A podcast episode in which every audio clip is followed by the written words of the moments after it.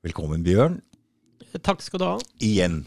Du har vært her før. Det har jeg. det har jeg, Og snakket om russisk historie. Da snakka vi om russisk historie. Men nå har det brutt ut krig, Bjørn. Og igjen, som vi ser under korona, som vi så under koronagreiene, så får vi en ensidig greie uh, i media. Så det jeg håper, er at du kan prøve å balansere det litt. Så vi får en Så jeg Nå har jeg sett to ting i, i går. Jeg så talen til Putin den 24. februar. Det er veldig saklig. Og så har jeg sett Oliver Stones 'Ukraine on Fire'. Den er jo sikkert fire-fem år gammel og gir et ganske godt innblikk i hva som har foregått der. Så den anbefaler jeg egentlig alle å se. Men, Bjørn, hva er din, din take on dette her? Jeg, jeg, jeg tror jeg skal begynne med eh, da, da jeg selv var i Lugansk i eh, 2018. Da, da var det eh, lokalvalg. Altså Det er en av disse folkerepublikkene, altså de kalte russiskvennlige eh, republikkene. Dette ligger i Don Donbas. Donbas. Der ligger det to republikker, Lugansk og Donetsk. Donetsk. Og halvparten av disse er, har på en måte brytt litt ut av uh, Ukraina. Der har det vært en slags frontlinje Ja. i, i veldig lenge. Nå skal jeg si en ting. Eh, Jeg, eh, jeg kjenner en tsjetsjener. Han har vært der nede. Altså, kom ned, ja! Her, er, her kan vi gå rundt med maskingevær i gatene. og Der har vært en del tsjetsjenere der nede, og de hater jo russere. Så de har eh, ligget der og vært på den ukrainske siden, og de har vært en slags i den frontlinja der, da. Så det er det. Altså det, det, det er en del av det. Eh, Men, men, men altså, bare gå tilbake til altså, dette valget i 2018. da, da lo, lokal, Nei, det var både altså det er lo, lokalvalg og pre presidentvalg. -hmm. Jeg var observatør der. Og jeg husker jeg ble tatt med Hvem, dro du sammen med Henrik Weber? Hva heter den greia dere drar sammen der? Det er folk, folkediplomati Norge. Folkediplomati Ja. Norge, ja. Mm. Ja, altså vi var begge observatører. Han var i Donetsk, og jeg var i Lugansk. Mm. og, og jeg husker at vi ble da sammen med de andre observatørene tatt med til et stort jorde, altså større som en fotballbane eller noe sånt, kanskje større. Og, og, fikk høre at her er det begravet en 300-400 eh, mennesker, altså stort sett sivile, så, som ble drept av ukrainske styrker eh, sommeren eh, 2014, da, da de innledet sin såkalte antiterroroperasjon, så, så, som etter min mening var en ren terrorkrig mot befolkningen i Donbas, med sånne høyreekstreme bander som Høyre sektor osv. 300-400 mennesker drept. Det var en, skrevet om navnene på, på de de hadde klart å identifisere, men jeg fikk høre at det, det var ikke alle. Bare stopp litt her, for det, nå nevner du eh, noen grupperinger. Ja. Og de er vel ikke medlem i den ukrainske hæren? Nei, altså det, det er en del av det. Altså Den krigen altså, vi, vi, altså I Norge får vi jo inntrykk av at krigen startet for, for en uke siden. Men altså det har vært krig i åtte år. Dette Kiev-regimet som kom til makten som en følge av det vestlig støttede statskuppet i eh, 2014, har jo ført det, det de kaller en antiterroroperasjon. Som jeg vil påstå er en ren terrorkrig mot befolkningen i Donbas. Og i hvert fall til å begynne hadde de jo knapt noen her, så, så de satte inn altså, rett og slett fascister, høyre sektor. Og, og de, de hater jo folk i dette området. altså Det er vestukrainske nasjonalister. Så, altså, de bombet folk, drepte dem. Så altså, resultatet er 300-400 døde. Og vi ble jo selvfølgelig spurt av lokale journalister, det var noen som tok det opp på TV og sånt, så lokal TV-stasjon vi, vi- virkelig sterkt, så jeg, jeg begynte faktisk å gråte, og, og liksom gjorde det eneste jeg fant anstendig, og liksom henvendt til befolkningen da, via lokal TV, sa at liksom, jeg er historiker fra Norge. Eh, altså, dette er forferdelig, altså, det, dette er fascister som har gjort dette mot dere, og dessverre støtter den norske regjering dette. Men, men folk i Norge vet ingen om det. Så liksom, unnskyld, men altså, unnskyldningen er at sannsynligvis vet myndighetene våre om det, men vi, befolkningen vet ikke noe om det. Eh, Men altså, det, dette er jo ting vi aldri får høre i ve- ve- ve- vestlige massemedier. Altså, de, de, altså, hva skal man si? Altså, de, de er veldig flinke til å gråte med ett øye. Altså, nå er det jo noen voldsomme historier. Og det, det startet jo liksom fra liksom, denne russiske intervensjonen eh, ble innledet, voldsomme oppslag liksom, fra bomberom i Kiev osv. i en situasjon der det faktisk ikke var noe krig i Kiev. Er det, krig, er det krig i Kiev nå? Veldig lite. Ikke sant? Ja, men, men altså altså disse 300-400 menneskene altså det, det, har aldri vært noen vestlige journalister som har forsøkt å, å skrive om dette. Jeg, jeg, ble vist et Jeg vet ikke om det var Det var vel administrasjonsbygningen i Lugansk? Et sånt administrasjonsbygg, kontorbygg. Det var der det begynte? De ja, okkuperte det? ikke ja, altså Nei, altså det, altså det, som skjedde, var, var etter dette statskuppet i Kiev. Mm. Så, så, satt liksom lokale folk der som, som, var skremt, og de skjønte ingenting. Altså liksom plutselig hadde de fått høre at russisk var forbudt, og, så, og sånne ting. Liksom, de satt der for å diskutere hva, hva gjør vi nå. Men mm. altså, da, da, var det jo bare fredelig. Liksom, det var liksom diskutere hva, hvordan forholder vi oss til den situasjonen. Men, men så hadde liksom dette Kiev-regimet på en eller annen måte fått vite om dette møtet. Så, så de sender da et krigsfly og som sender en målrettet rakett, én eller to, jeg husker ikke om det var en eller to raketter, men, men i hvert fall mot dette bygget, og, og treffer da vel noenlunde dette kontorbygget.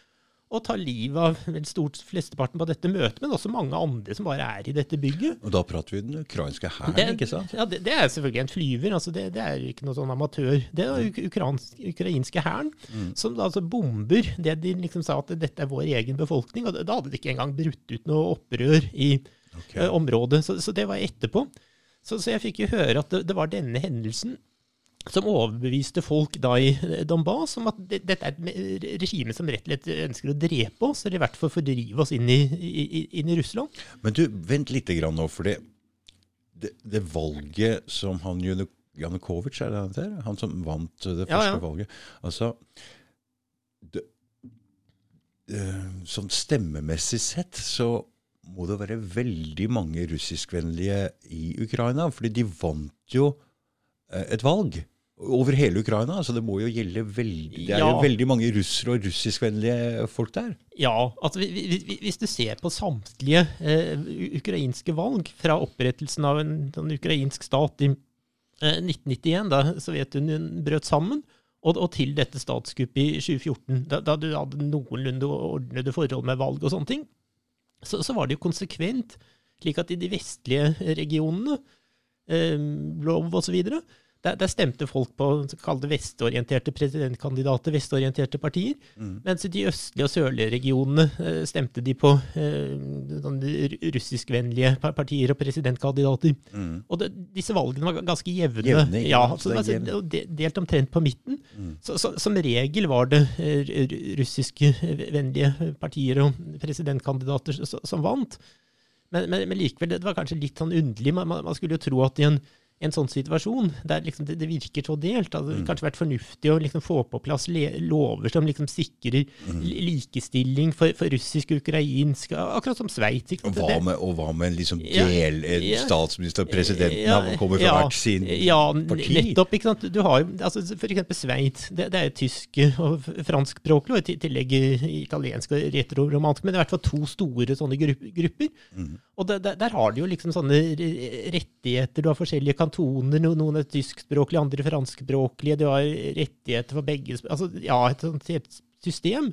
Og akkurat som du har i Finland. altså Der er det jo fremdeles svenskspråklig, og, og de har liksom en prinsippet to, tospråklighet og sånne ting. Mm.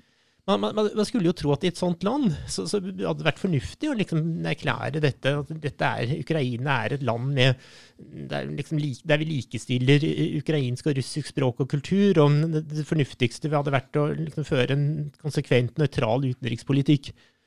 Men, men, altså allerede før dette statskuppet så, så begynte det å komme sånn lover for, for, å erstatte eh, russisk med ukrainsk. Altså det, det begynte jo med denne for, for alvor med denne såkalte oransje revolusjonen i 2004. Så, som var mye mye mer sammensatt enn man fikk inntrykk av i vestlige medier. Hva mener du med sammensatt? At, altså, vi fikk høre at liksom, dette er liksom, de gode friheten mot, en diktator, og, og, selvfølgelig den vestorienterte presidentkandidaten var da liksom friheten. Og at liksom, dette var grovt valgfusk osv. Eh, altså, det var etter valget, ikke sant? Det første. Ja, altså, altså Janukovitsj vinner første runde av presidentvalget. Og så mm, blir det demonstrasjoner, og liksom ved hjelp av disse demonstrasjonene Nei, han vinner. For, altså Første runde er m- mengde kandidater. De, de to som har fått flest stemmer, går, går til annen runde. Da er det én vestvennlig kandidat og én eh, østvennlig. altså Janukovitsj, og hva er det han andre heter? Jusjenko.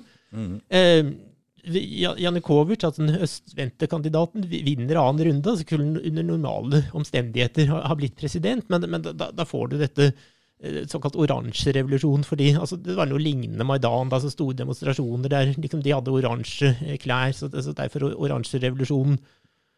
Og, og han vinner da etter et ve ve- veldig omdiskutert sånn, tredje eh, valgrunde. Og da, og, og, og da begynte det med sånn lover for å forsøke å tvangsstenge r- russiskspråklige eh, skoler, eh, legge, legge om historieundervisning til liksom å fremstille Russland som en fiende osv. Under, eh, Ja. under den revolusjonen? Ja, og, men altså i 2010 så, så, så vinner jo da Janukovitsj, altså den eh, østvendtlige presidentkandidaten, så, som faktisk da i noen år allerede har vært statsminister for, for det største partiet, altså regionspartiet, som kan kalles sånn østorientert parti. Og, og det, det- var jo ingen som stilte noe spørsmål ved det, det, lovligheten av dette valget. altså Det, ble anerkjent ikke bare av Russland, men, men også av EU-amerikanerne. amerikanerne, altså alle. altså Janukovitsj var en lovlig folkevalgt president. Så, så gjør han det ukrainske presidenter og styrene har gjort i alle tider. Han forsøker å manøvrere mellom Russland og Vesten og sette dem opp mot hverandre. og ganske få- gode fra begge parter. Og han forhandler da med Fordi det er noe med Ukraina også. og De har, de er, eh, er det Europas kornkammer? Det er, det er en del av det. Så de har jo noe leverage overfor Europa når det gjelder handel. Det vet jeg ikke. Altså, det er, Europa eh, har vel egentlig flommet over av, landbruksprodukter. At EUs liksom, problem har vært den felles landbrukspolitikken. Men, men, men, men i hvert fall, Janukovitsj forhandlet da, som, som tidligere ukrainske presidenter og regimer, med, med EU om en form for avtale eller tilslutning eller noe sånt. Og det, det, det kommer da et forslag fra, fra EU om en liksom, assosieringsavtale eller, eller noe i den dur. Men, men altså, det var en veldig veldig dårlig avtale for, for Ukraina. Altså, altså, Ukraina har ikke noe næringsliv som liksom kan klare seg i konkurranse med, med, med Europa, et åpent marked osv.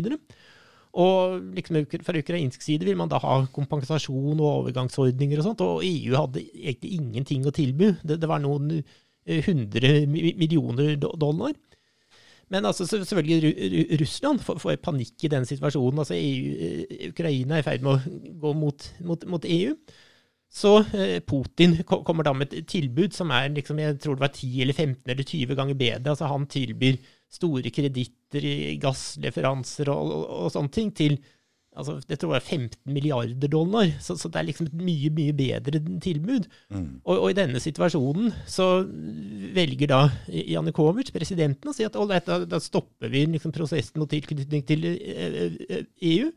Da, da vender vi oss mot eh, Russland. Altså, de rett og slett ga oss en bedre avtale, og vi- har mye mer sjanse til å handle med Ru- Ru- Russland og det liksom frihandelsområdet mot uh, asiatiske sovjetrepublikker. dette, dette kan ikke ha, det ukrainske folket ha fått med seg ordentlig. Jo. Fordi nå skjer det store demonstrasjoner. Det er da det plutselig skjer, når han går vekk fra Ja, den EU. ne, ja altså, altså, det, det Putin eh, foreslo, og som jeg tror var, var, var veldig fornuftig, og, og som han virkelig arbeidet for i eh, 2013, var, var å få en avtale mellom EU, Russland og Ukraina, altså et trekantsamarbeid, så, som da kunne ha gjort Ukraina til en bro mellom EU, Tyskland og Russland. Altså vi, vi, virkelig fornuftig, og du kunne tenke deg noen videre forbindelse til Kina, eh, Silkevei-prosjekt og sånt. Altså det, det hadde vært en ve veldig god, tror jeg, løsning for, for Ukraina. Men i denne situasjonen, da, når han liksom oppgir denne ensidige tilknytningen til eh, Vesten, så, så bryter jo de, disse demonstrasjonene ut på Maidan. Og, og det, det er også en del av det at eh, fra vestlig side så, så, så var det et kontant nei til dette eh, russiske forslaget om et trekantsamarbeid. Ukraina må velge. Og, og man forsøkte da ved hjelp av denne Maidan-revolusjonen å, presse dem til å, til å velge EU. Og det her skjer det noe spesielt, fordi nå kommer det en masse politikere fra USA Ja. og Europa og holder tale Ja. på disse, disse protestdemonstrasjonene, ikke sant? Ja, det, det, John McCain. ja, Ikke sant? Vi har John Kerry står der nede. Det er masse folk. ja det, det, det er jo utrolig. Altså, det, er jo grov innblanding. Altså, kan man- liksom forestille seg at det var liksom demonstrasjoner utenfor Stortinget her, og liksom noen folk som sier at eh, regjeringen er ulovlig, selv om alle har anerkjent den at den er ulovlig valgt. Så er det bare en gruppe som sier den er ulovlig, og så plutselig kommer det utenlandske diplomater og oppmuntrer det. Det er veldig Ja, spesielt. altså, det er veldig spesielt. Ja, altså, etter hvert begynner de å skyte på politiet osv., og, så videre, og det, det kommer rapporter om at det er faktisk høyreekstreme som har skutt både politiet og sine egne for å fremprovosere en voldelig, voldelig situasjon. Så det, altså, det var en veldig ensidig dekning av dette. Og da, det, det, topper seg. Altså, det topper seg den eh, 21. eh, februar eh, 2014. Altså, da, da er det virkelig en sånn krise der det har vært skutt folk på Maidan osv. Så, videre. Så forhandler man da frem en avtale som egentlig innebærer at den lovlig valgte presidenten kapitulerer. Altså det, blir en avtale om eh, liksom, ekstraordinære fremskyndede presidentvalg i løpet av bare noen, bare noen måneder, altså kort tid. Ekstraordinære eh, parlaments- eller radavalg. En ny konstitusjon som liksom overfører makt fra presidenten til eh, parlamentet osv. Altså, egentlig har presidenten kapitulert. Og det, dette er en avtale mellom da presidenten og opposisjonen, altså de som demonstrerer på Maidan. Og, og den er garantert av den uh, tyske, uh, franske og polske utenriksminister. Og Janukovitsj, presidenten, følger avtalen, og liksom sikkerhetsstyrkene blir trukket tilbake fra offentlige bygninger osv. Men, men demonstrantene bare storm, stormer presidentpalasset og andre bygninger, og Janukovitsj må rett og slett flykte. Hadde han ikke kommet seg unna, hadde han sannsynligvis blitt drept. Ja, for de skøyt etter bilen hans. Ja, ja, altså det var altså, Han unnslapp med, med, bare så vidt. Og, og så, så får du da innsatt en ny president i, i en situasjon der rett høyreekstreme har omringet mm, pre- na- nasjonalforsamlingen. Så hvis noen hadde liksom prøvd å stemme mot det, de, de hadde jo blitt drept. Og, det, og du hadde jo folk som var blitt drept. Kommunistpartiets eh, hovedkvarter var, var stormet påtent. Der var det drept flere, flere mennesker. Det var noe som slo meg når jeg så den Oliver Stone-filmen. Fordi dette med nasjonalisme, det er noe vi alle har sånn latent i oss. Og det er lett å spille på. Du vet eh, når Norge damehåndball Vi ser på damehåndball altså det, er, det er ikke fordi det er god håndball. Det er jo på nivå som et juniorlag, sikkert. Men fordi Norge vinner, så elsker vi damehåndball. Så vi ser vi ser, vi ser det på skien og Norge så Dette er veldig lett å spille på. Og, så jeg hadde litt Jeg skjønner Jeg skjønner Jeg skjønte de ukrainske nasjonalistene. Jeg skjønner den greia der. Jeg har uh, sympati for det og forståelse for det. Og, fordi det ligger latent i oss alle, det med nasjonalisme. Men det er veldig lett å spille på for utenlandske aktører. Se- se- Selvfølgelig, og de, de spilte på det. Og, men altså, det, det, det som var altså, utrolig eller sjokkerende, er, er hvordan man fra ve- ve- vestlig side ignorerte det som var åpenbare uttrykk for fascisme, først med dette Maidan-opprøret. Altså, Hva er fascisme? Bjørn? Altså, hva, hva fascisme er? Altså, det er en ekstrem for, for høyrenasjonalisme, for, for å si det kort. det er nasjonalisme. Ja, men voldelig og eh, vold mot folk som er uenig i dette, osv.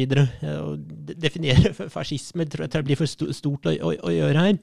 Men, men, men i hvert fall, altså, du hadde symboler som var helt åpenbare. Altså, bare se på liksom, en del av disse fadene osv. Altså, det var sånne runer og sånt. altså, Alle skjønner at det, dette er fascister. Og, så- Runer er ikke det norske, jo, jo, men, jo, men, jo, men det er liksom brukt av høyreekstremister, og du så liksom denne symbolikken, og du hadde f.eks. sånne som kanskje var litt vanskeligere å se, sånne eh, rød-svarte flagg som det var masse av. Men det, altså, det er Bandera-faner. Og Bandera var Ukrainas Quisling. Altså, det, det Ja, men du, hør nå. Ja, ja. Det, skje, jeg, jeg, det, det er ganske interessant, den der eh, Oliver Stone-filmen. fordi Bandera havna jo i tysk fengsel.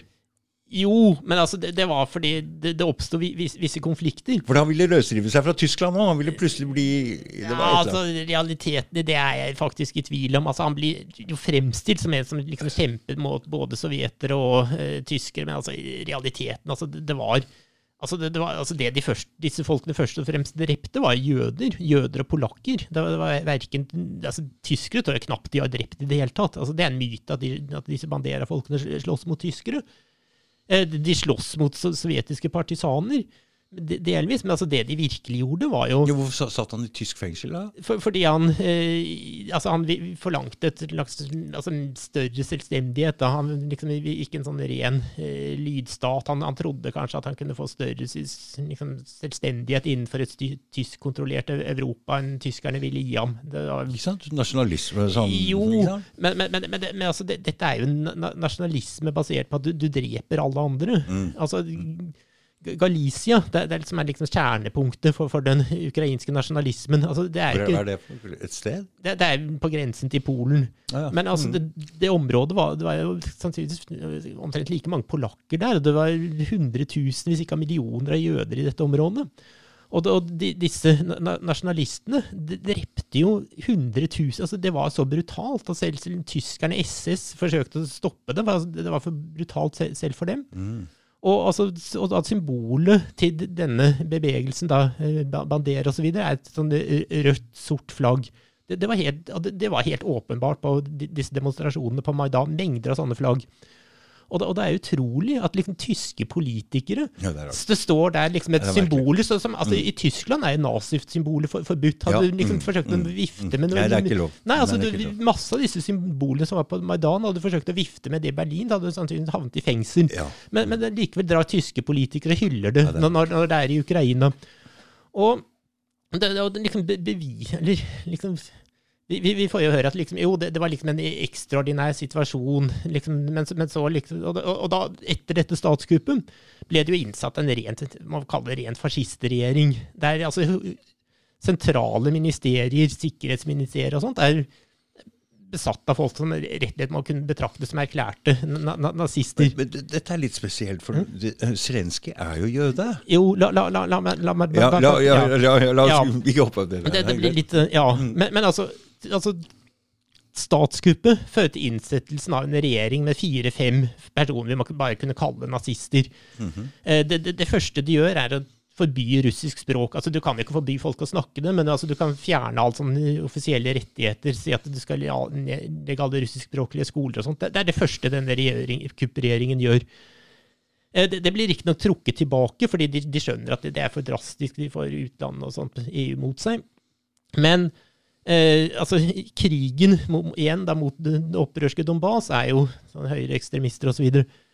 Eh, så- men så, så, så får du jo et, et, et valg, og det, det stemmer jo da at for, for så vidt de, de, altså de, disse erklærte fascistene da går ut av eh, regjeringen når du etter noen måneder får ekstraordinære valg, du får en liksom, valgt president osv. Men like fullt er det sånn at i, i 2015, eh, våren 2015 ve- vedtar Radan, altså parlamentet i Ukraina, en lov som, gjør det forbudt å kritisere organisasjoner og personer som, under annen verdenskrig definitivt sto for massakrer av hundretusener av jøder og polakker. Altså det, det er like skandaløst som om du i, i Tyskland skulle vedta en, en lov, eller Østerrike eller noe sånt, som- at det, er forbudt å kritisere Adolf Hitler og SS. Og dette fikk ingen kommentarer i eh, norske eller vestlige vassmedier. Dette var en periode der liksom, norske regjering sender, våpen til, til Ukraina.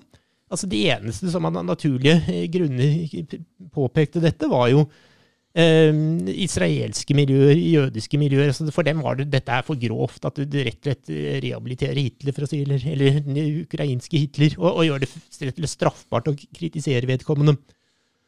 Men, men altså, det, dette er så følsomt. da, For, for eksempel det, det norske Holocaust-senteret har jo aldri eh, turt å ta avstand fra den åpenlyse rehabiliteringen av fascisme i Uk Ukraina. De har ikke, startet, de har ikke tatt avstand Nei, fra nei, altså det, for, for eksempel Steigan på, på steigan.no har jo flere ganger offentlig oppfordret dem til det. Men altså, det, det har vært null kommentar for det. Men altså, det er vel for kontroversielt da, at liksom norske myndigheter, vi er et Nato-land, så da liksom godtar vi omtrent hva som helst, bare det det er mot Russland. Så, så, og, de er vel finansiert av den norske stat, så det har vært total taushet om dette. Og du, du har jo også en sånn annen det. Og da begynner du å skjønne at når de, når, når du blir støtta av et sånt um, så ekstreme krefter i Ukraina, da er det om å ta Russland. Ja, Hvis ikke, hvis ikke, det er ingen andre steder som nasjonalisme, sånn type nasjonalisme, Nei. får lov å, å, å, å få fritt spillerom. Er det noe ting som blir slått ned på i alle Ja. land i hele Europa, så er det den formen for eh, Ja. nasjonalisme. Den PST, og de er på utkikk. Altså, vi har jo hatt hvor mange det, Hvis det har vært 20 nazister her i Norge, så har det vært et kjempeproblem. Så at de får lov å holde på sånn der nede, det, det kan bare være, bety én ting. De eh, prøver å provosere fram noe fra Russland. Ja. Hvis ikke så hadde jeg aldri fått lov. Ja, så det, det er jo utrolig. Altså, du hadde det altså, Man snakket om Haider-regjeringen. Jeg, jeg tror det var år 2000 eller noe sånt. Altså, det, det var at et sånt østerriksk såkalt sånn høyrepopulistisk parti, jeg tror det er et østerriksk folkeparti eller noe sånt, lederen heter Y- Jürg Haider. Ja, han satt ikke engang i regjeringen, altså partiet hans gjorde det. De hadde et par statsråder, men, men ikke statsministeren eller noe sånt. Men altså, i, i den situasjonen var det jo total boikott av Østerrike. for han, Vi skulle ikke ha noe med dette diplomatiske å gjøre. og sånt. De ble isolert i EU og sånt. Ja, Og hvor, hvor høyre, Ja. hvor høyre ja, ja, ja. Og, Hvor da, nasjonalistisk var han? ja, nettopp. Altså, altså Det eneste han hadde gjort, var, var en gang si at Hitler hadde vært flink til å skape arbeidsplasser. Så, ja. Så- så- det var ikke mye! Nei, men altså, det var rimelig dumt. Man, ja, med, med østerriksk historie var det kanskje ikke så lurt, men, men, men altså, det var i hvert fall uansett nok til at det ble en total sånn, boikott. Av hele Østerrike? Ja, ja. Og, og, så, oh, og så får du da i Ukraina en Ja, regjering er der, ja, der, der sitter det fire-fem erklærte fa- fa- fascister. Mm. Eh, Du har lover som gjør det forbudt å forby altså, den eh, ukrainske parallellen til Hitler, da, eller eh, ja, Himmler eller noe sånt, så, som er liksom personer som i dag er helter i Ukraina. Hovedgatene i Ukraina er eh, oppkalt etter Stefan Bandera, så vidt jeg vet, som er rett slett den ukrainske Hitler. Eh, Du, du har denne dødsbrannen, eller mordbrannen i Odessa. Da prater vi om Odessa, for det, det Ja. så jeg på filmen i går. For det, Odessa er også ganske russisk, eh, mange russere. Og det ligger også ganske strategisk til nede i Svartehavet der. Og da ble de redde. Det ville de ikke ha, og det var under en fotballkamp, så jeg. eh, Så lurte En ganske stor fotballkamp, så kom det masse av disse nasjonalistiske frak fraksjonene, er det riktig? Ja, ja. Fraksjoner. Ned der og lagde bråk. Og da var det noen i Odessa som hadde okkupert en sånn statsbygning. Ja, En statlig det, bygning, fordi de prøvde å gjøre det samme som i Donbass. ja, altså, det, det, altså det er liksom stam, sammenstøt da, mellom pro uh, Kall det prorussisk og liksom, Skjult inne i fotball... Ja. eh, Ja, altså, det- altså, altså, det, altså, det er et opprør. For, Ja. altså, i, he, altså, du fikk jo et opprør på Krim, men, men du fikk jo et, også et opprør i store deler av Øst-Ukraina. Mm. Og uh, altså, denne situasjonen hadde jo ikke ukrainske myndigheter egentlig noe her, for altså, alt var bare oppløsning der. Så, så det de gjør, er da sende rett og slett høyreekstremister til uke, disse områdene for å, for å slå det ned. Mm. Og en del av nedslåingen er da at den 50-60 prorussiske nei, altså, aktivister blir, blir brent levende i, i et bygg, men- mens disse høyrenasjonalistene, eller fascistene, for det, det var fascister, står utenfor og ju- jubler 'drep, drep Colorado-bilene'. Mm. Og de, de filmer seg selv, altså det er ikke tvil om hvem som har gjort det. Og, Nei, nei. Men altså, ingen er dømt. De har ikke engang forsøkt å etterforske dette i Ukraina.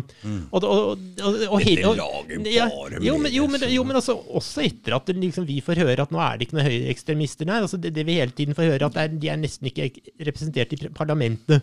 Men altså, ingen ukrainsk regjering, heller ikke den nåværende, har, prøvd å etterforske denne dødsbrannen, mordbrannen. Ingen er tiltalt for det, ingen er dømt for det. Eh, De, de har heller ikke forsøkt å etterforske det som skjedde på Maidan, med disse drapene. Når var dette? Når? Altså, dødsbrann, altså, Ja. begge delene var i 2014. 2014, altså. Ja, altså skuddene på Maidan som, som tyder på at det rett og slett var provokatører blant demonstrantene, høyre sektor og sånn, som, som skjøt både politiet og sine egne. Altså du ser altså eksempel trær i området, så liksom ser du hvor skuddene har gått inn, så, så liksom er det nesten overbevisende beviser, overveldende beviser på at det er folk rett og slett fra demonstrantene som har skutt. Og det, og det, det har du hatt dem, dem dokumentarer om i både BBC og tysk TV, men det selvfølgelig blir aldri vist i Norge. Men, men her er hovedoppmeldingen Ja, det- det- at det er politiet som har skutt eh, Nei, altså, det- demonstranter, altså, eller? nei, altså, vi får høre at det er politiet. Ja, mm. Men altså, selv BBC har, har jo vist do dokumentarer så, så, og intervjuet folk som var med på dette osv. Mm. Altså, det er overveldende sannsynlig at det faktisk var ekstremister blant demonstrantene som sto bak dette. Mm. Og et, et tegn på det er eksempel at man hugget ned masse trær i Kiev, så man ikke, ikke kunne se hvor disse kulene kom fra osv. Men, men altså, det, det har aldri vært noen etterforskning av det. aldri noen etterforskning av denne mordbrannen i Odessa. Og bare det gjør at Ja. det gror opp. Så selvfølgelig, altså, folk er jo redde i eh, Øst-Ukraina. Men, men igjen, altså, det, og det, dette har jo få, altså, dette er til nå, altså Vi får bare høre liksom, nå er det normale Nå er det Ukraina et demokrati. Men altså, et demokrati altså, Ville du for, forsøkt å oppklare en mordbrann? Ja, det- For å lage forsoning, for å lage fred i Ja. landet, så må det til. Ja, og det, og det- ville ikke ha altså, Det er ingen annet land i Europa som hadde sluppet unna med en lov som gjør det for, liksom forbudt å for, for, forby nazister. Og at, at det da i denne situasjonen kom et opprør både i Øst-Ukraina og på, på Krim, altså det er ikke til å være forbauset over. Og, og jeg syns jo det liksom tragiske i denne situasjonen er at det som skjer nå, ikke skjedde i 2014. Altså, jeg, jeg mener det som skjedde med dette statskuppet, lover mot uh, og sånt altså, det, det jo, Selv om de trakk tilbake denne, dette første vedtaket om å avskaffe russisk, så har det jo kommet en serie lover for å liksom, bekjempe russisk språk og kultur. Altså, det, liksom, etter, det begynte et par år etter statskuppet, og så kom det bare mer og mer av det. Og det, det har jo ikke vært noen kommentarer eller kritikk av dette fra ve- ve- vestlige såkalte eh, menneskerettighetsorganisasjoners side. Så, så at, liksom at folk i både på Krim og eh, Øst-Ukraina og Donbas hadde grunn altså jeg vil si lovlig rett til å gjøre opprør, er jeg ikke i tvil om. Altså Hadde ikke det som skjedde på Krim skjedd, altså at rett, rett russiske styrker tok kontroll over halvøya, så, så hadde du fått myrderier der. Altså, Ja, men på Krim så har jo de hatt soldater alltid pga. den flåtebasen jo, sin. ikke altså de, de, heldigvis var det russiske soldater der, Mm. og, og, og de kunne ta over. Men, men altså, vi, vi vet jo at det var Høyre sektor var, var i ferd med å sende tog med, med tusenvis av aktivister. Og, det, og de betrakter jo folk i, på Krim som, som fiende, akkurat som folk i særlig Donbas, Øst- Øst-Ukraina. så de hadde laget det rene blodbad der. Men, men heldigvis, altså det var russiske soldater, og de, de tok over eh, halvøya, og den ble etter en folkeavstemning så, som altså, all verdens meningsmålinger, også amerikanske meningsmålinger etter folkeavstemningen, viser at langt over 90 støttet dette. Så, så, så jeg syns det tragiske er at eh, Donbas ikke umiddelbart ble anerkjent fra, russisk side. At de, de skulle bare anerkjent disse to Med en opprørsrepublikker. gang, ja. Ja, da, da tror jeg ikke altså, Du har jo hatt åtte år nå da, med Mm. krig. Da, det, det er dette Kiev-regimet og stort sett høyre sektor har kunnet bombardere dem nesten daglig. Og da, dette har kostet 14 000 mennesker livet, hvorav 4 000 14 000, vel? ja, altså, altså 4000 sivile, eh, 14 000, Ja. sol, altså 10 000 soldater. Da. Mm. Men altså, det er hundrevis av barn. Eh, altså, de har liksom sett noen fotografi, minnehall og sånt. og Hundrevis ster, ster, Sterkt inntrykk, men altså, det er liksom de vi ikke skal få høre om da. Så, så altså, Krigen startet ikke for en uke siden. Altså, det, det vi nå ser, er kanskje slutten på krigen. At vi, vi, vi nå håpe at Russland bare får tatt over kontrollen så, så fort som mulig. At det kan etableres normale forhold igjen. Men nå skal jeg si noe som ikke Som jeg sa, det må du ikke si. Men eh, jeg ser jo likhetene til hvordan annen verdenskrig starta. Det var en tysk enklave inne i Polen som eh, også ble trakassert, trua og drept. Og til slutt så, måtte, så gikk Tyskland inn der. Og det starta jo annen verdenskrig, og da blir jeg lite grann eh, Da blir jeg jo lite grann um, da, lurer jeg på Kan dette Det er jo utrolig sterke ord fra Vesten her mot Putin, og han har ikke tenkt å gi seg. Hva er det vi Kan dette utvikle seg til å bli noe mer enn det her? Jeg vet ikke. Altså, jeg mener, Ikke sant? Det er eh, altså, jeg, jeg mener man viser en re- realisme fra, fra vestlig side.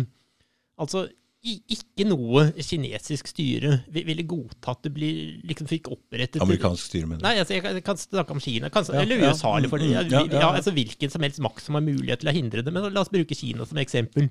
Altså, er, er det noen som tror at liksom, kinesiske myndigheter ville tillate utropingen av ikke bare et liksom, Kina nummer to, som sier at det ikke vil være en del av Kina, men, men, men, men som gjør seg som et anti-Kina, som liksom vet De kan jo prøve med Taiwan. ja, men altså, ja, jo, men altså La, la oss bare få et tankeeksperiment. Altså at, at noe lignende hadde skjedd i Ukraina, så, nei, Kina, som, som skjer i, i At det noe lignende hadde skjedd i Kina. Altså, Ukraina har vært tett forbundet med, med Russland siden 1600-tallet. Eh, Det er fullstendig integrert, i ingen språklige forskjeller og sånt, før på slutten av 1800-tallet. der den polske Ja, dette har du pratet ja, om ja, før. ja, men la, la oss prøve å ta ett tema av gangen. Mm. Men, men altså Gitt da at liksom pl plutselig får du en situasjon liksom, voldsomt svekkelse av Kina, av en eller annen grunn så liksom klarer liksom Sør-Kina, som har vært forent med Kina i hundrevis av år, liksom blir, blir plutselig en uavhengig stat. Eh, Det, det, det kanskje fungerer så lenge de liksom tross alt betrakter seg som en del av samme sivilisasjon, de har samme verdier, samme språk, det er familiebånd og sånt. Da, da, da går det på en måte. Det, det var sånn det var hadde mellom Russland og Ukraina. Men, men altså, la oss da anta at liksom, plutselig gjennomfører amerikanerne et statskupp i den- denne liksom, Kina nummer to, og innsetter et rabiat antikinesisk regime som forbyr For det er sånn du ser ja, på det? Ja, som, som forbyr kinesisk, som eh, gjør liksom det, det som har vært helter i kinesisk historie, til, til skurker, og eh, prøver å la, la, liksom ha noen helt andre helter, si at liksom personer som samarbeidet med eh, britiske sånne opiumssmuglere under disse opiumskrigene, plutselig skal være helter i Sør-Kina eller noe sånt. Mm. Altså, og, og, la, la oss si at dette topper seg da med at dette eh, antikinesiske Kina nummer to plutselig liksom vil inngå en militærallianse med amerikanerne og, og begynner å snakke om at de skal utplassere atomvåpen der. Fordi det har Ukraina vært ja, inne på nå, ikke nettopp. sant? Altså, er det no, virkelig noen som tror at noe kinesiske styre hadde sittet og sett på dette? Eller, eller altså, USA, da, hvis man plutselig hadde opprettet et liksom, uavhengig eh, Texas, og, og det, det begynte å snakke om å inngå i en allianse med eh, Kina for kinesiske ato atomvåpen i Texas, er det noen, virkelig noen som tror at amerikanerne hadde ikke reagert på dette? Og da, det var faktisk situasjonen. Men har Uk Uk Ukraina er, Forstår de russisk? Ja, ja, selvfølgelig. Er, det, er ukrainsk og russisk såpass likt at de forstår hverandre? Ja, ja, uten problemer. Ja. Så det er, det er liksom broderspråk, på en måte? Nei, som det er norsk som og- norsk og svensk Det er som norsk og svensk, ja. Mm. Men, men altså, gå, gå tilbake til det, dette med atomvåpen, så, så, så, som jeg tror er ga, ga, ganske viktig. Altså, Ja, det, fortell litt om det. ja, altså, altså fra, fra ru- ru- ru- russisk side så, så, så vil jeg faktisk si at man gikk veldig veldig langt for å prøve å løse denne konflikten med, med fredelige midler. Altså man, man fikk jo de såkalte Minsk-avtalene i 2014-15, så- som var avtaler mellom dette Kiev-regimet, altså ukrainske sentralmyndigheter, og opprørsrepublikken i øst, om at man skulle gjennomføre konstitusjonelle reformer i Ukraina, spre makt til regionen osv. Liksom håpe om på den måten å, å samle land igjen. Og, og, og Russland støttet faktisk i åtte år forsøkene på å få til en sånn forhandlingsløsning. Men, men, den Minsk-avtalen den ble skrevet under av flere ja, europeiske. Altså, den ble skrevet under av lederen, altså Ukrain, daværende ukrainske presidenten og, og lederen i de to opprørsrepublikkene. Og da, Og noen europeiske nei, det, de, altså, Tyskland og Frankrike og Russland har vært med på å forhandle det frem. Ja, men. men altså, det var ukrainske sentralmakten og, og folkerepublikkene som har inngått avtalen.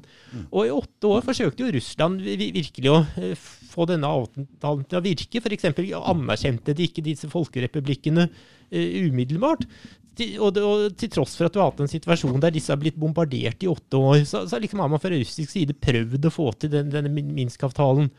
Men altså, det, det, det kom til et punkt der, der, der de ga opp. Men altså, man har ikke gjort noe fra europeisk side for å presse ukrainske makthavere til å oppføre disse avtalene. Hadde man gjort det i 2015, så kunne du kanskje hatt en normal, eller i hvert fall mer normal situasjon. Og selvfølgelig USA gjorde jo hva de kunne for, for å oppmuntre det ukrainske regimet til å sabotere dem. Altså, de, de ville jo ha en konflikt mellom Europa og Russland, og det er gjerne en krig i U- U- U- Ukraina. Men altså, det, det som jeg tror gjorde at du fikk den russiske intervensjonen, var den ukrainske presidenten på, på sikkerhetskonferansen i München, bare, bare noen dager før intervensjonen, der, der han sier at Ukraina vurderer å skaffe seg kjernevåpen. Altså, Ukraina har som offisiell dok doktrine, det, det kan du lese i um, offisielle dokumenter, å tilbakerobre ikke bare Donbas, men, men også Krim ved, ved hjelp av våpenmakt. Og, og, Krim er etter folkeavstemningen i 2014 en del av, av Russland. Så, så, hvis du angriper Krim, så, så angriper du kjernevåpenvakten i Russland. Og la, la oss tenke at liksom, Ukraina selv hadde kjernevåpen. Altså, dette kunne utløse en atomkrig. Men eh, og, det, det, var jo det liksom, Putin da, da, han ba om garantier for, for at Ukraina ikke skulle bli en øh, del av Nato så, så, påpekte han nettopp dette. Han hadde samtale med franske president Macron, og du hadde eh, pressekonferanse etterpå. Så sier jo Putin det som er åpenbart. Altså, Ukrainske myndigheter har som erklært målsing å erobre Krim og Donbas. Vi, vi vil forsvare Krim, det er en del av Russland. Skal Nato risikere å havne i en krig med atomvåpenmakten i Russland fordi noen ukrainske nasjonalister går til angrep på Krim? Svaret er selvfølgelig nei. Og, og det, det, ser vi også i dag. Altså, det er jo ingen, verken europeere eller amerikanere, som, som, er villige til å slåss for Ukraina, fordi de vet at det betyr krig med kjernevåpenmakten Russland, og det er kanskje menneskelighetens utslettelse. Så, du, ja, så hvorfor, hvorfor, kunne man ikke da sagt, si det som var åpenbart? At Ukraina vil aldri kunne bli medlem av Nato, og de vil aldri få atomvåpen. Det, det garanterer man både fra vestlig og amerikansk side. Og rett og slett få på plass en avtale om det, så, så var det Putin ville ha. Altså, Du har avtaler om nøytrale stater, f.eks. Sveits. Det, det, har vært nøytralt siden napoleonskrigene, og det, det, det har fungert. Hvorfor kunne man ikke fra vestlig side godta det som er åpenbart, at Ukraina kan ikke bli medlem av Nato. Dette er et land som aldri må få kjernevåpen. Hadde man klart å si det fra vestlig side, hadde du ikke fått denne intervensjonen. Mm. Altså, Jeg vil påstå at Russland var tvunget til å reagere. Et regime med der høyreekstremister ikke nødvendigvis altså Jeg sier ikke at Zelenskyj er høyreekstremist, men altså, de hadde, hadde og har kraftige posisjoner i sikkerhetstjeneste, militære osv. Hvis en sånn stat erklærer at den er i ferd med å skaffe seg atomvåpen, da, da har du som statsleder i et naboland som, som, er erklært fiende for denne staten, faktisk plikt til å handle og sørge for at det ikke skjer. Og det, det, det var det Russland gjorde. Du, det er noe um, som jeg um, la merke til i talen til Putin. Og det er den sterke kritikken han kommer med til det han kaller ja, Jeg husker ikke helt hva han kaller det, men det er i hvert fall så ja, Det er eh, vestlig. Vestlig um, Vest-Europa.